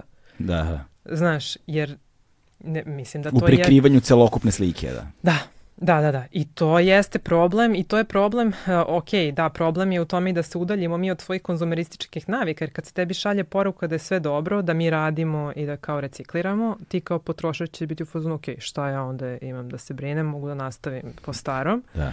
A s druge strane, zaista ima i posledica uh, po razvijanje tih tehnologija, znaš, mm. možda bi se više novca investiralo u nešto ukoliko bi se komuniciralo da je to tek u da u početku i da je potrebno se, se razvija, razumeš? Da, možda bi se više njih bavilo tim Tako je, problemom, da, da, da, možda bi da. su brže dolazili do rešenja, više Jest. vremena bismo potrošili Jest. na bavljanje time i tako dalje. Da, Kao što da. sad borimo borbu sa ovaj, uh, klimatskim promenama i sa adaptacijom na ono što nas neminovno čeka. Jeste, da. da. A to su sve neke kampanje koje ti zapravo prikrivaju um, to što će se desiti. Mm. Znaš, i ti onda nemaš utisak da nešto trebaš da radiš, menjaš, da se tu bilo šta da događa, znaš. Da, da. Nego sve ja po starom, vidim ovi ljudi sve rade kako treba, nikom ništa, Nikom, znaš. Da, da, da, da. E sada, ovaj, to nas vodi uh, lepo u sledeći uh, segment, a to je krađa intelektualne svojine. A, da, pa. Kad si pomenula već Ben and Jerry's, odnosno Jen and Berries, je li tako? Ove, ovaj, I te knock-offove i, i krađa intelektualne svojine je vrlo zanimljiva. Yes.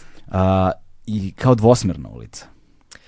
Da. Znači veliki koji kradu od malih i mali da. su nemoćni da to urade bilo šta ali i mali koji kradu od velikih pod uh, sloganom ja sam samo inspirisan time. Yes, Znaš, kao... yes.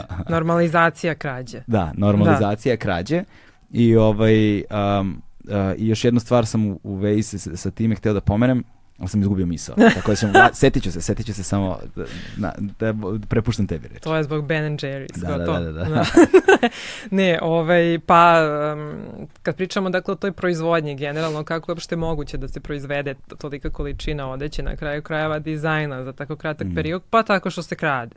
Mislim, da. m, krade, um, tako što dakle ti manji brendovi um, imaju tačno dakle pravno određene sisteme uh, ukoliko um, kako da kažem, koliko tački mogu da izmene neki komad koji će da pokradu, nekih mm. sedam tačaka dizajnerskih, da onda taj originalni brend ne bi mogao da ih tuži. Da, da. Znaš, i to sve vrlo liči, ali kao nešto baš nije isto. Znaš, kao tebi i meni to ne, bi, ne, ne bismo primetili, da, ali da. kao pravno uh, postoje te, te razlike. Mm -hmm. I ovaj, baš sam, to je bio neki um, nemački kao mali brend kabanica koji je, nap, oni su krenuli da prave te kao neke, nešto između kabanice i jakne. Mm. Kao neka malo, malo više fancy kabanica, ne znam nija šta. I onda je to neki brend brze mode uh, potpuno iskopirao i naravno po nižoj ceni, razumeš, potpuno su ih uništili. Mislim, da. ti kažem i dalje, kad pričamo ono tržišno, cena najveći motivator kod, Jasne. kod potrošača. Mislim, sad smo mi ovde pričali kao eto kako bi ljudi kupovali brendove koji su odgovorni, ovakvi, onakvi, ali i dalje Da, Ako da. imaš odgovoran brend i onaj koji je jeftini, ljudi će kupiti ono što je jeftinije. Da. Posebno u siromašnim sredinama. Naravno, da. naravno. I ovaj, I onda je kao taj ono neki lik potpuno propao, potpuno me propao posao, ali je tužio, tužio je brend i dobio je. Mm. Morali su ovi da sklone jer prosto nije, nisu dovoljno izmenili dizajn da bi mogli da tvrde da nije kopija. Da, da. Ali to se radi. Da. Dakle, da kažemo da se prisvaja tuđi dizajn, Pa znam da je ovaj naš zajednički prijatelj, čini mi se, Marko Čerketa. Jest. Čerketa je koji pravi rančeve. Da. Njega je neki veliki brend Njega pokrao. je Loeve kao iskopirao. Bio je praktično isti ranac na revi, naravno pet puta skuplji. Znači to ono, ne moram da komentarišem. Da. I sad ne znam šta se tu desilo, još nisam ga pitala ovaj, da. da li je on pokrenuo neki proces ili nije, da. ali uh, na, najpoznatiji je možda kao, to se prosto dešava, znači sad ono što mi pričamo su samo pojedini slučajevi, ali to je cela uh, ovaj, modna industrija danas. Da, mm. Ta normalizacija krađe, prisvajanja i svega ostalog, ali evo kao Virgil Abloh koji je nedavno preminuo. Da je bio poprilično poznat po tome, po prisvajanju... To je ovaj što napravio Supreme i to. On je napravio Off-White, da, da, da. Ja, ne, ja, ja sam tačno ta generacija i toliko sam stariji da sam mm -hmm. potpuno propustio sve što ima veze. Samo sam čuo za to, ali ne znam ništa o tome. Ja ne znam šta je zapravo šta je Supreme šta je, off, šta je to. Ja sam zapravo samo vidio kao neke obične stvari da samo piše Supreme i sad to košta Boga oca. To je sve što sam ja video. A šta je Off-White ne znam šta je. Pa slično. Da, Aha. mislim to su ti, kako ti kažem, to, je, to se komunicira kao revolucionarno zato što su to brendovi ili dizajneri koji su uspeli da uh, od tog nekog streetweara naprave luksuzne brendove. Mm -hmm. Razumeš da taj kao neki streetwear uđe u luks sektor, pa ti sad imaš te dukserice koje koštaju po 5-6 hiljada eura ili patike, one što su svi nosili, one Balenciaga, mm -hmm. ne znam koliko su koštale, isto tako nešto. Razumeš, um, to je kao u tom smislu novo. Da. Znaš, sada da li je to nešto bolje pravljeno, da li su materijali bolji, da li to suštinski ima uh, neku tu luksuznu komponentu, to je diskutabilno. Da, znaš, da, da. to je samo market. Mislim, nije samo, to sad malo ja preterujem, ali, znaš, uh, to je stvar kako izbrendiraš nešto, kako prodaješ nešto. Taj hype koji se pravi, koji je danas, čini mi se, ne samo modi, nego generalno najvažnija stvar. Mm, da. Znaš, kako ti nešto prezentuješ u javnosti. Da, da. E, da. I taj čovjek je to fantastično radio. Mislim, evo, ja sam sad ono, baš pre nego što sam dolazila ovde kod tebe, uzela sam da čitam kao malo, da se podsjetim, jer davno sam pisala taj tekst. O, baš o njemu, mm -hmm. pre možda pet godina, kao je bilo. To da je krenulo da se malo priča o tome na koji način on radi. On, znači, od malih dizajnera um, pokrade, izmeni i onda um, to registruje kao svoj patent. Tako da na primjer, ti si sad mali dizajner, proizvodiš kape, on ti ukrade kapu, ti posle više ne možeš da je praviš. Razumeš? Da. Samo on može da je pravi. Da. Znači, ono, potpuno te, em što te uništi u smislu da si izgubio bilo kakvu relevantnost kao dizajner, nego te uništi potpuno ne možeš da radiš više to što si radi. Da, da, da. Znači, i to je, kako da kažem, sa strane biznisa sjajno. Kao odličan biznis potez. Da. A sa etičke strane ne baš, znaš. Da. Ali kao ko modi to preispituje. To je ono neki zaključak do kog možemo da dođemo. To je, da, to je, vidiš, to je vrlo zanimljivo jer je strahovito se podudara sa, na primer, autorskim i srodnim pravima u diskografiji, u mm -hmm, muzici. Mm -hmm, sa mhm. muzičarima se to dešava. Pa da. Znaš, jer je veliki broj umetnika generalno, uh, znaš, ti tvoja želja da postaneš umetnik se bazira na tome da nešto voliš, da imaš mm. potrebu da se izraziš, da uh, znaš, imaš potrebu da nešto klasno kažeš u društvu, u prostoru u kojem živiš, znaš, i ovaj, i, i, i motivi su za to uglavnom ono vrlo uh, znaš, intimni, vrlo, na, mislim, drugačiji su, nisu, nisu poslovni, nisu, nisu, nisu pragmatični, yes. nisu oportunistički, yes. znaš. I onda ljudi koji se izražavaju umetnički, njihov zadatak je da porode to umetničko delo, šta god da je ono, da li je to modna kreacija, da li je to muzika, da li je to da. film, da li je to šta god. Ovaj, ali ono što veliki broj njih ne razume jeste da nije posao gotov, onog trenutka kada si ti nešto stvorila ili stvorio. Da. Prosto nije. Da, da, da, da. Sad da. počinje oni poslovni deo. Jest. Koji je jest. zapravo mnogo veći jest. od tog kreativnog i, i radnog procesa. I koliki broj muzičara zapravo kada kreira numere koje, ne znam, su ekspresije nekog njihovog unutrašnjeg stanja, znaš, razmišlja o tome, hm, ja sad treba da registrujem ovo. Mm -hmm. Treba da se bavim patentom na ime svog benda znaš, ili da ono se bavim fonogramskim pravom, interpretatorskim pravom, autorskim pravom, kompozitor, ovo, ono, ti, ako počneš to na razmišljaš na taj način, ode sva kreativnost kroz prozor. Jeste. Znaš, treba neko ti to radi. To je e, ergo, ali, ergo menadžeri. Pa Znaš, da, ali kao ko ima, da budu. pa ali ko A onda ti isti pokradu.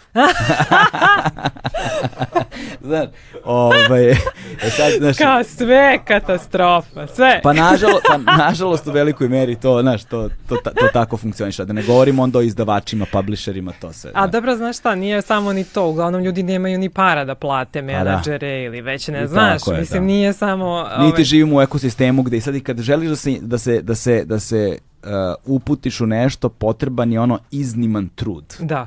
Da. Znaš, nije nešto što kao, aha, ja sad treba da saznam nešto o ome, klik, ajde da saznam. Da. Aha, važi. Mm -hmm. Znaš, ono, znaš, tako ćeš teško. Ali pazi, evo, ako pričamo o modi, nisi nimao den da saznaš. Razumeš, kao to su sve neke stvari ispod tepiha. Mm. Znaš, i sad, eto, meni je zaključak, na primjer, kad sam pisala o tome da, eto, dizajneri mladi, naročito kod nas, pošto se to dešava, eto, pomenuli smo i našim dizajnerima, da pored toga što moraju da razmišljaju o marketingu, moraju da gledaju da zaštite svoj autorski rad. Tako je. U samom startu. Mm. Što sam sigurna da niko o tome ne misli znaš, bar ti kao neki dizajneri koji se baš trude da imaju originalan dizajn, da je to nešto njihovo drugačije, inovativno ili šta već. Pošto ima dosta plagijatora i kod nas, mislim, nije to sad. To je prosto, kako kažem, to je globalno, ono, poslovno, poslovni model. Da. To je poznato, mislim, ono, na, na, veliko, na globalnom nivou to je, imaš ono industrijsku špionažu Ma koja da. postoji ono u tehnologiji, da, da, da. automobilskoj industriji, softverskoj da, industriji, da, da. to je Pa i to je ono što sam rekla, kao, znaš, ako gledaš sa strane biznisa, m, ukoliko je legalno, jeli, u okvirima toga što je po zakonu, nema ništa tu loše. Kako da, ti kažem? Jasno, da. Znaš, da, da, ne da. možeš da kritikuješ tako, ali e. možemo na neke druge. Ali... Ajmo sad za kraj. Stigli, stigli smo polako, ovaj, stigli smo polako do kraja. Uh, da damo ljudima neke ono uh, ono što svi vole da čuju kad su ovakve teme u pitanju, praktične savete, znaš, za e, ono... ma stani bre, nije kraj. Moramo da kažemo šta je rešenje. Mislim, šta je održiva moda? Jesi rekao pričamo o održivoj modi, da, da. smo i došli do toga. A, dobro, dobro, dobro. E, da, da, da, da. Pa ja mislio sam sve vreme pričamo o tome. Pa ne, održiva moda ti je u stvari, da kažemo, um, razmišljanje o tome kako da se udaljimo od tog sistema Aha, masovne okay, proizvodnje, okay, okay. ekološkog zagađenja, lošeg tretmana radnica i radnika. Da. Pa to su zapravo neki praktični saveti. Jesu. Da, da. Jesu, jesu. Biće i praktičnih saveta. Da, da. Mislim, meni na podcastu ljudi najviše vole praktične savete. Pa za ovakve stvari da, mislim, ima smisla, znaš, zato što je to negde gde sad, ukoliko su te ove teme dodirnule, na bilo koji način, kao sad ti pokušaš da pronađeš model kako mogu da učestvujem. Mm. Kao pojedinac. Pa da, da, znaš. da, da, da. Ove, ovaj, pa održiva moda ti je, da kažemo ovako kao neka definicija je nekakav holistički pristup dizajnu, proizvodnji, potrošnji i odbacivanju odeće mm -hmm.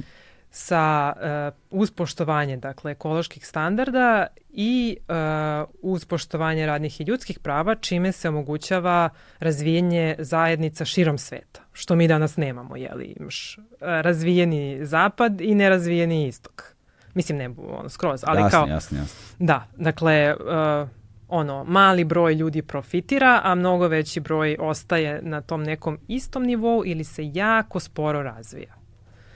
I dakle, to je nešto što održiva moda pokušava da, da kažemo, ne, ne mogu kažem reši, ali da prevaziđe i da, dakle, da, dakle, da krenu nekom razmišljanju ka nekim boljim modelima koji će biti bolji za globalnu zajednicu, je modna industrija globalna industrija. Mm -hmm.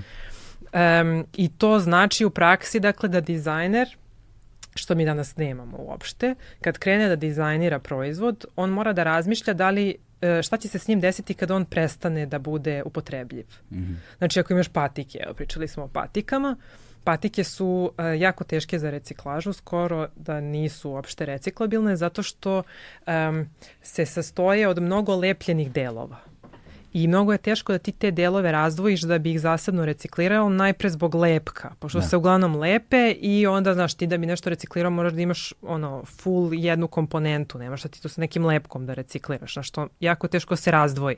Mm. I znači... Os, izvini, osim kad ih nosiš, onda se sve odlepi raspadne. ne, ostane lepak, samo ne lepi. Da, da, samo to, to. da, da, upravo si, bravo, da. I ovaj, Znači, dizajner bi morao da razvija patiku tako da ona može u potpunosti da bude razdvojljiva, kako kažem, da, da, da. ono da može da se rasklopi, da bi svaki njen deo bio reciklabilan. Mm -hmm. Ili već ponovo upotrebljiv na neki drugi način. Onda, znači, to se napravi, napravi se u fabrici koja i poštuje ekološke standarde i plaća radnike i radnice. I treća stvar je, dakle, kad se on proda, kad se proda, proizvod prodaje, da se ne komunicira kao nešto što mi treba da menjamo i kupujemo non stop, nego da se upravo kao da kažemo negde uh, kupci ono resetuju, znaš, mm. da to kao se vratimo na taj neki moment gde e, mi nećemo sad kupovati nešto da se jednom slikamo za Instagram, nego ćemo kupovati da nosimo što duže moguće i da kao eventualno negujemo neki svoj stil, da se malo udaljimo od toga što nam magazini i reklame i brendovi poručuju, nego da malo razmišljamo o tome šta je to što se nama sviđa i što mi volimo da, da nosimo. Da, da. Da. Znaš, a ne kao da prihvatamo poruke koje nam brendovi šalju da bismo bili autentični. Da, ali tu sad postoji, naravno, jako puno problema, ali onaj osnovni koji vidiš jeste šta je prvi korak, sad je ovo naravno van, jel te praktični savjet, ovo je više na nivou sistemskog problema. Da. Šta je prvi korak da bi se naterale velike kompanije koje su zapravo glavni izvor problema, da počnu da posluju na taj način, pre svega što uh, odeća koja bi se nosila što duže je direktan atak na profit i to mm -hmm. značajan atak na profit. Uh, smart design o kojem govoriš je opet direktan atak na profit. Uh, odgovorna, odnosno ekološki uh, proizvodnja koja je uh, ispunjava ekološke standarde je opet značajno skuplja nego ova druga. Što bi zapravo bila ono margina, odnosno bilo bi taj, uh, što bi, što bi procenat profita značajno umanjio, a brojni igrači bi po, po ispali sa tržišta. Ovaj, I to je nešto što, mislim, zvuči lepo kao ideja, ali mi zaista deluje nemoguće kao praksa, barem u ovom trenutku. Da, u ovom trenutku jeste nemoguće. Znaš, Mislim, zato mi što... kao totalna utopija. Znaš. Da.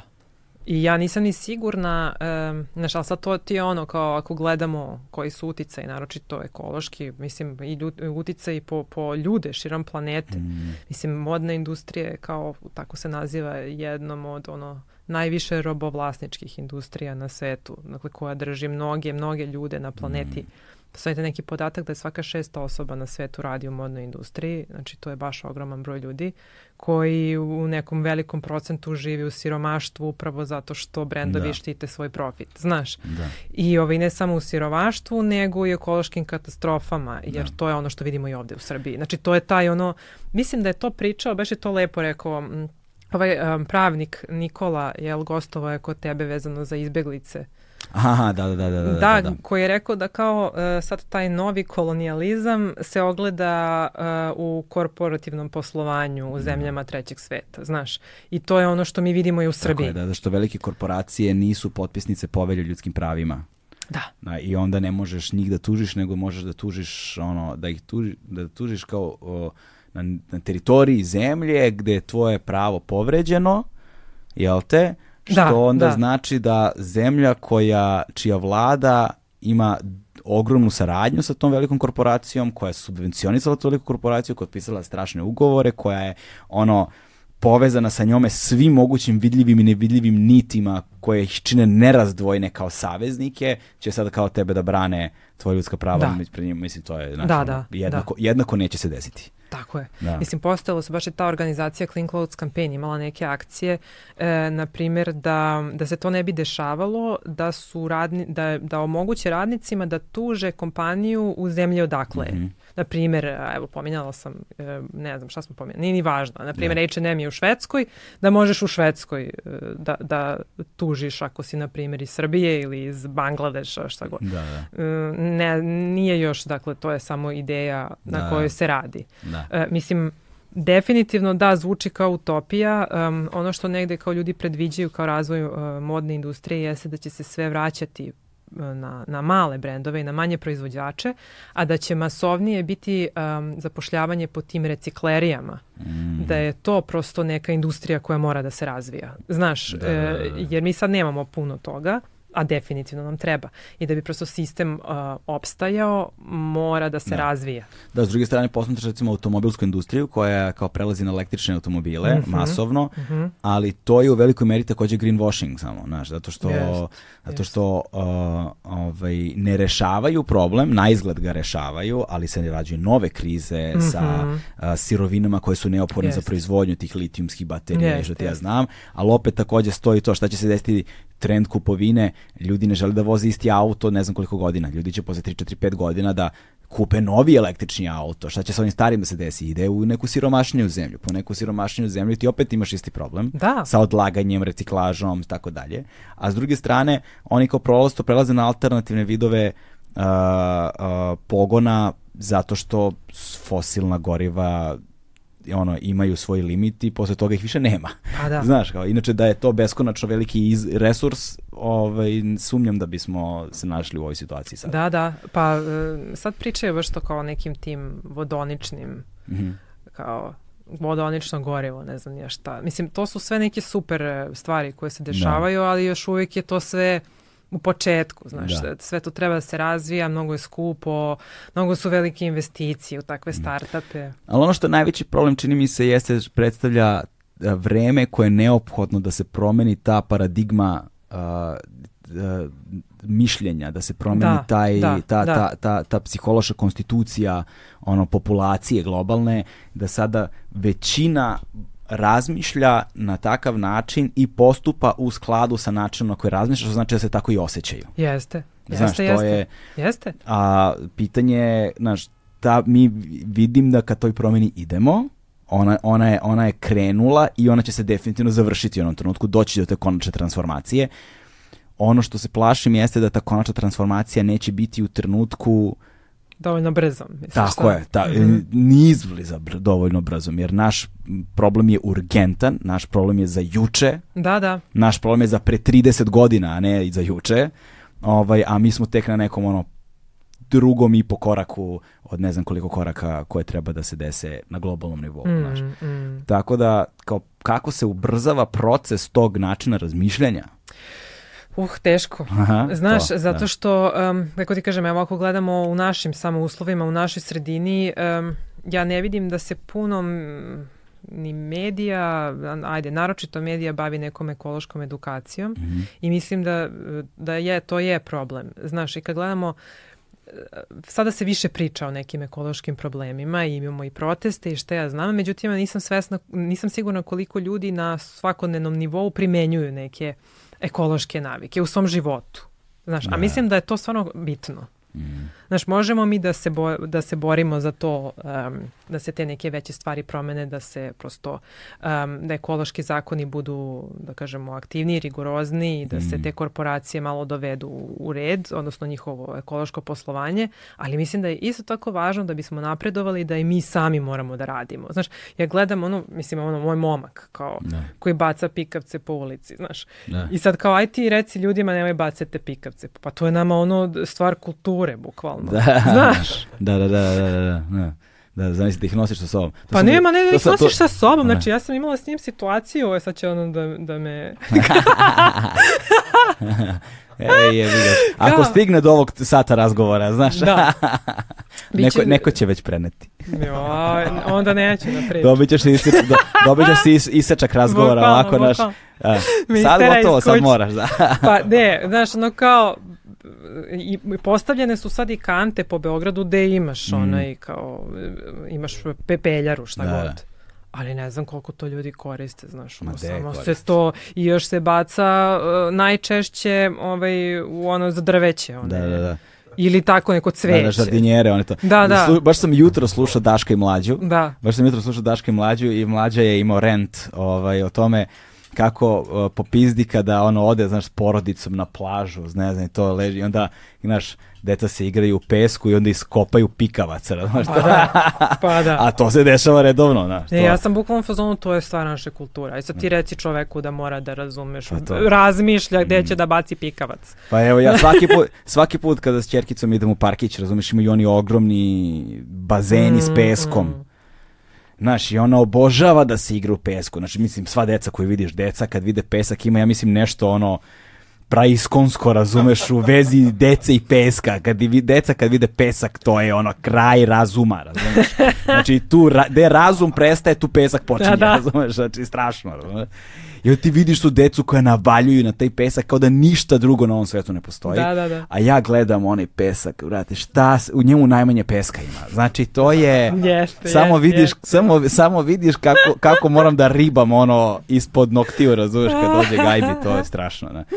I, i, i takvi elementi, to je, to je ono gde važi ta izreka, lepota je važna zato što je lepa. Pa da. Znaš, na kraju dana čoveče, zar kao nije lepše da, da izađeš iz kuće, a ti je lepo? E, iskreno, jebote. ne znam. Znači, ne znam, ne znam, zato što skoro sam čitala kao to, bila je vest o divljim deponijama po Srbiji. A, uf, je, to je to da. teme. Da. I, ovaj, I sad, jeli, kao, kako se to dešava, kako nastaje, nije važno. I komentar ispod, pa dobro, pa nismo mi Austrija da nam sve bude čisto. Šta sad, razum? Tako da ne znam. Znaš, da, da. možda mi prosto volimo da nam ne bude lepo. Ja, ja zaista ne znam. Da, da. Znaš, da, ili je kao potrebno da se naučimo da razmišljamo. To, sam, to, to sam anegdotu više puta pominjao, a pomenut ću sada ponovo, izvinjam se svima koji slušaju 50, 75. put.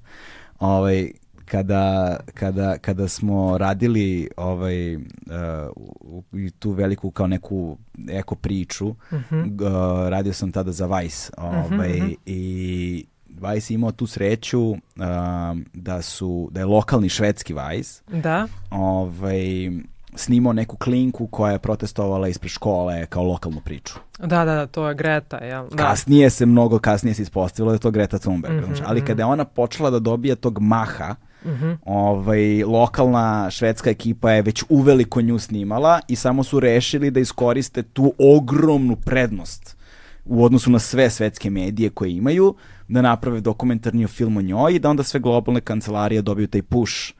Ajmo sad svi da, jašemo da, da, da. eko teme u narednom periodu, što je strava, znaš, kao jeste, super, ono, jeste. odlično, jer je to bilo kao i korisno i poslovno uh, ovaj pametno jer je jer je stalo mogućnost ostvarivanja potencijalno velikog profita mm. i da red, negde sve redakcije u, u, ovaj zajedno učestvuju u jednoj globalnoj temi. Mm -hmm, kao strava, mm -hmm, super, mm -hmm. odlično. Ali kada su počeli da stižu rezultati uh, na tim kao nekim online sastancima gde kao sada, ne znam, neki ti centralni ofisi komuniciraju i sa nama manje bitnim ofisima, Znaš, da, eto, da. eto sad još jedne dinamike odnosa problematične vrlo. ovaj, a, do, dolazili smo, znaš, kao, do, ispostavilo se da recimo te zemlje kao što su mi, Rumunija, i, znaš, Bugarska i tako dalje, kod nas, recimo kao ti, ti sadržaji su mnogo lošije prolazili. Da, da. Zato što mnogo loži, kao prosto ljudi ne zanima. Pa pazi, još u tom trenutku, znači kad si ti, kad si ti izašao iz Vajsa? Pa ima nekoliko godina, da. Da, znači to je bukvalno, ni, pa kažem da. ti, ja kad sam počinjala sa, sa to FFM podcastom, da. E, reč održiva moda, da to. Nije značilo teme, ništa. generalno, da, ništa. Znaš. Ništa. I, ovaj, I svuda su videli kao spike, ono, jel te rast u, u posetama i u kao tim nekim ovaj, broj, broju poseta da, i broj da, da. ljudi koji su se uključivali u, u ovaj, koji su čitali taj sadržaj. Mm -hmm. Kod nas ništa, znaš. I neki smo imali kao uh, sastanak to kao te balkanske jugoistočne mm, naše mm, zemlje mm i pitaju nas kao, e, pa kao šta se dešava kod vas, kao zašto kod vas ovaj sadržaj ne prolazi dobro i onda je Rumun je jedan odgovorio bio strava i rekao je, because we have real problems. I mislim da to zapravo oslikava u velikoj meri zaista društvo u kojem mi živimo danas. Mi imamo toliko problema. Imamo toliko gorućih problema. Jeste. Toliko hroničnih problema. Toliko akutnih problema da, znaš, još jedna stvar o kojoj treba da razmišljamo, a kao nemamo da obezbedimo sebi, ni deci svojoj, ni, ni znaš, ono, ne znamo kad smo posljednji put otišli na godišnji odmor ko ljudi, razumeš, a da se nismo, Znam. ono, da nismo iz usta odvajali da bismo otišli, ovaj, čini kreiranje jednog, ono, mindseta koji, znaš, plašim se, da je u siromašnim zemljama mnogo teže sprovesti takve teme, znaš. Mm, pa i da i ne. Ja da. ne mogu da kažem da bi se sad totalno složila s tobom, jer kao uh, meni fino ide. Da, da. Znaš. pa znaš Ali- kako, i sad smo imali pro, i sad smo imali proteste protiv Rio Tinta što je prvi put da, Da, smo imali da, da. ekološke proteste u ovoj zemlji. Mislim da je kod nas to stvar nepostojanja kontinuiteta u tradicionalnim medijima. Eto nas ponovo na kontinuitetu. Četiri, Pa da, pet pa puta da. je bio... Da. Jeste, ali mislim da je to zva- zaista jako važno. Da, da. Znaš, mislim sada, ok, ne mogu da sad ni to da kritikujem, nemaju oni, oni prostora za sve uvek. Da, da, da. Ali možda mogu da razmišljaju nekim drugim dodatnim formatima gde Da. bi se onda taj kontinuitet desio. Mm. Znaš, mislim da si to pričao i ti pred, u nekom od prethodnih, epizoda, da oni imaju neke svoje podcaste gde bi se onda dodatno bavili nekim temama koje se... Tako je, da. Znaš, kao da se malo nešto razrađuje i da... Sami Martinoli smo pričali. E, da, da, da, da kao se to malo razrađuje i da prosto e, ljudi koji žele da čuju više imaju gde da čuju više. Da. Znaš. I to od profesionalnih redakcija, fact checkera i ne znam nija čega. Znaš, jer Da. mm, da, Znam. to je sad sve, ono možemo i o tome nekom drugom prilikom, ali ovaj, znaš, ovako se za sad oslanjaš na te to neke entuzijaste koji... To je recimo u medijskom poslu jedan od gorućih problema su upravo ljudi koji se bave istraživačkim radom. Mhm. Dakle, istraživačko novinarstvo, fact, che- fact checkeri, dakle ljudi koji proveravaju dakle, tačnost podataka koje smo iskopali kroz nekakav istraživački rad, jer je to odvojena delatnost, što ljudi obično ne znaju. To su odvojene kompanije u Mhm. Da, razvijenim da, da, da, zemljama koje se da. bave isključivo Da, ti napri- napraviš nešto, pošalješ njima i on ti oni samo provere tačnost svih podataka pre nego što ti to vrate nazad da ti objaviš, znaš. Tako da, to su cele industrije Mm, negde mm. u nekim razvijenim sistemima. Kod nas a, ne mogu da nađu ono troje novih zaposlenih, znaš kao. Jeste, jeste, jeste, jeste. Možda je onda rešenje u nekakvom udruživanju. Pa, razumeš? E, edukacija, da, da, obrazovanje je ključna stvar. Znaš, Jeste, obrazovanje je ključna Jeste. stvar u svemu tome, jer to je onda taj holistički pristup o kojem ti Da. govoriš. Jeste, jeste. Znaš, ukoliko mi zasadimo klicu nečega u tebi na vreme onda to kad se razgrana i sazri, pokriva jako veliki spektar stvari. Da, da. I zato eto, kako pričamo o savjetima, prvi savjet bi bio da se zainteresujete. Mm. E, Mislim, zaista. Pa onda sve ostalo. Znaš, e, ako pričamo o kupovini, e, na primjer ja, kad sam počela da se bavim ovom temom, prestala sam kupujem polijester. Ili, ako već baš moram da bude u što manje procentu, em, m, zbog te mikroplastike. To mi je nekako bilo. Znaš, ja naravno ne mislim da to što sam ja prestala Kako izgleda, kupujem. ka- kako izgleda prestanem kupujem polijester? To znači uđeš u radnju i kažeš... I čitaš etikete. Aha, čitaš, a nije, a nije da dođeš i pitaš, pitaš ljudi u radnji, dajte mi, pokažite mi samo artikle koji nemaju A polijester. ti misliš da oni znaju? Daj, to što kažeš. Daj, to što kažeš. Znaš, ono, uzmeš i čitaš etikete, pa vidiš. I onda Da. ćeš tek da se zaprepastiš koliko ne možeš da nađeš. Uje, O, da, na primjer s džemperima, bukvalno nemoguća misija. Ona piše, na primjer, to, mi je, to, su, to su te sve fore. Znaš, kao piše wool blend, kao, jel mešavina vune, vuna 5%, 95% najlon i polijester. I tako. Da. Znaš, e, mislim, prosto to, da se interes, interesuješ, angažuješ, um, da razmišljaš o sebi i o svojim kupovnim navikama, to je jako važno. Mm. Mislim, zapravo tek onda vidiš koliko utiče sve, sve i svaša na tebe, pa ne samo vesti, Da. nego eto, neke trivialne stvari o kojima uopšte ne misliš, ono, znaš, stojiš na autobuskoj stanici, imaš reklamu pored sebe koja ti govori šta da radiš. Da. Znaš, i dosta ljudi se primi na to, ne razmišljajući. Ili eto, influencere, medije, podcastere, Da. koji tim skrivenim reklamama takođe utiču na, na tvoje svakodnevne navike. Da, da, da. Svako pomalo, ali kumulativni efekat svih njih kad Pa se da, saberu da, da, da, mesto. Da, da. To, I mislim, definitivno moramo da radimo na tome. Ono što si me pitao da je rešenje za, za velike korporacije je prosto uvođenje nekih sankcija zakona, um, taksi na prekomenu proizvodnju, nešto će morati da se desi. Mislim i da hoće, prosto uh, sad su pričali o tim pošto je prosto preveliki procenak tih obmanjujućih reklama, da će se sada desiti ti neki, u Evropi se to dešava, dakle uvode neke sa, kao, neke kazne uh, za reklame koje se pokažu kao obmanjujuće i tako, tako da biće. Mislim, kod nas se uglavnom, ono što ja bar vidim, prenose te reklame um, iz te centrale. da, Ne, ne vidim da se nešto preterano uh, ovde prilagođavaju ili da se tu nešto dešava. I ono što je kao neka moja poruka, dakle, za, za ljude kod nas koji Mhm. se bave marketingom, imamo divne ljude koji se bave marketingom. Mi smo sad ovde samo kritikovali, jasno. mislim, ali za, zaista nije tako. Ima stvarno, stvarno divnih ljudi, ono, koji rade po brendovima i koji su vrlo e, otvoreni za, za razgovor. Ja mislim da je ta vrsta saradnje sa, sa i influencerima i naročito ljudima koji već komuniciraju neke um, društveno odgovorne ideje i kao prepoznati su na dobar način po tome, da ih pitaju za savet. Mislim da je to i za brend korisno. Mm. Znaš, uh, poverenje koje imaš prema brendu uh, imaš upravo iz razloga što je transparentan. Znaš, meni nije nikakva loša stvar u tome da kažeš, ok, probali smo ovo, ispostavilo se da nije dobro rešenje, ajmo da vidimo dalje. Znaš, ali potrošač mora da zna to. Da, da, da. U vezi s time, taj malobrojni, uh, dakle, to je ono, da ne bude da smo generalizovali da, različite da. industrije i oblasti, u svakoj jest, industriji, jest. u svakoj oblasti, svega što smo govorili o medijima i u marketingu i proizvodnji i tako dalje, postoje divni i odgovorni ljudi. Jeste, jeste. Jedin, samo je činjenica da su oni u strahovitoj manjini. Ovaj, i, I mislim da je njihova primarna uloga, kada je tako mali broj ljudi, mislim da je njihova primarna uloga da budu prevashodno edukatori. Da. Znaš, jer Jest. oni, da, svojim delom i svojim, ono, to budi uh, budi promotor filozofije koju propovedaš. Znaš, Jeste. to je najbolji način da je širiš dalje.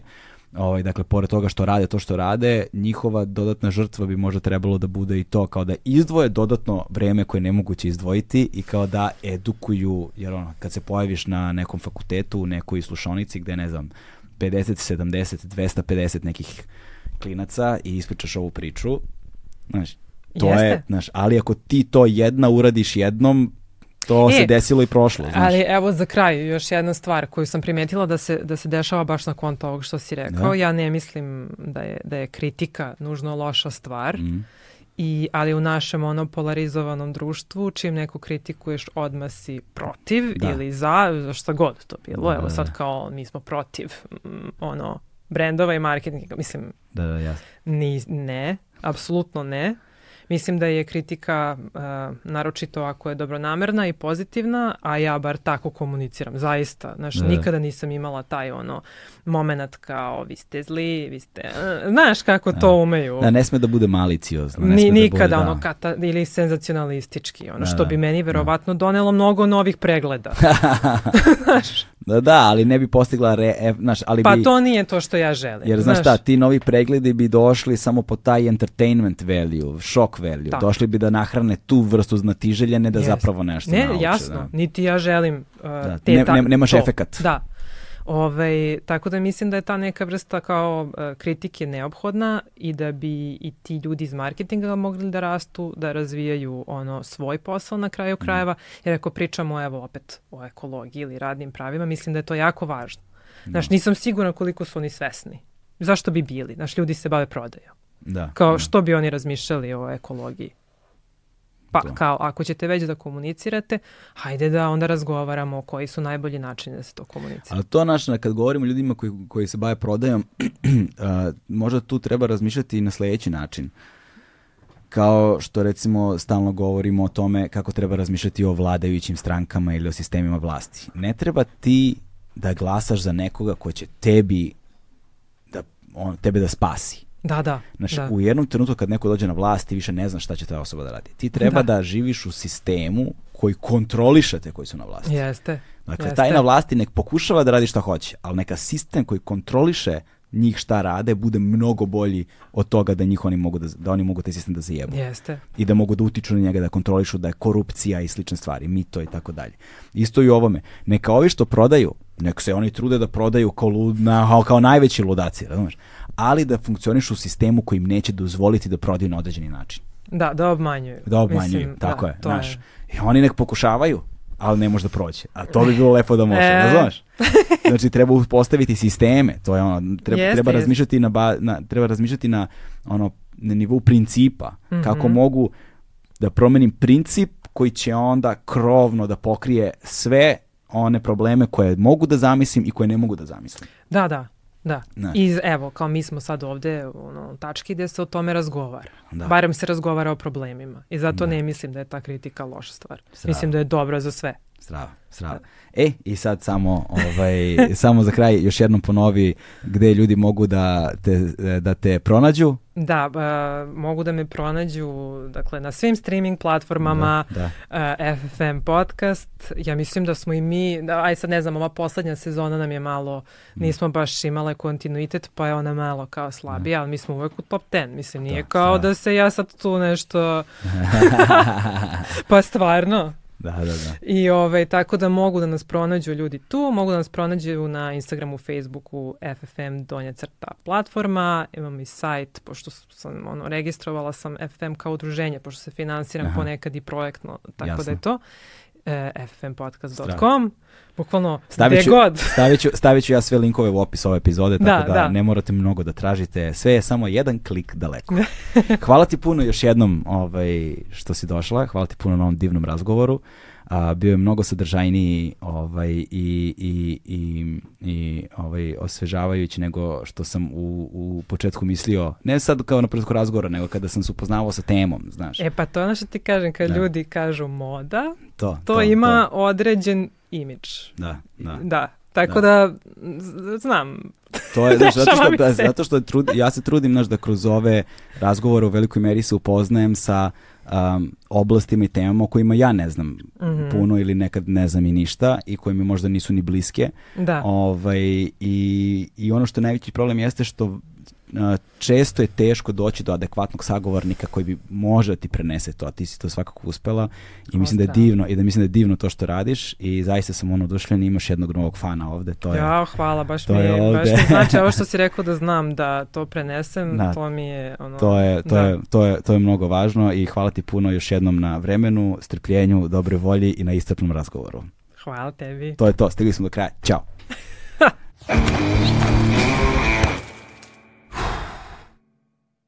Hmm.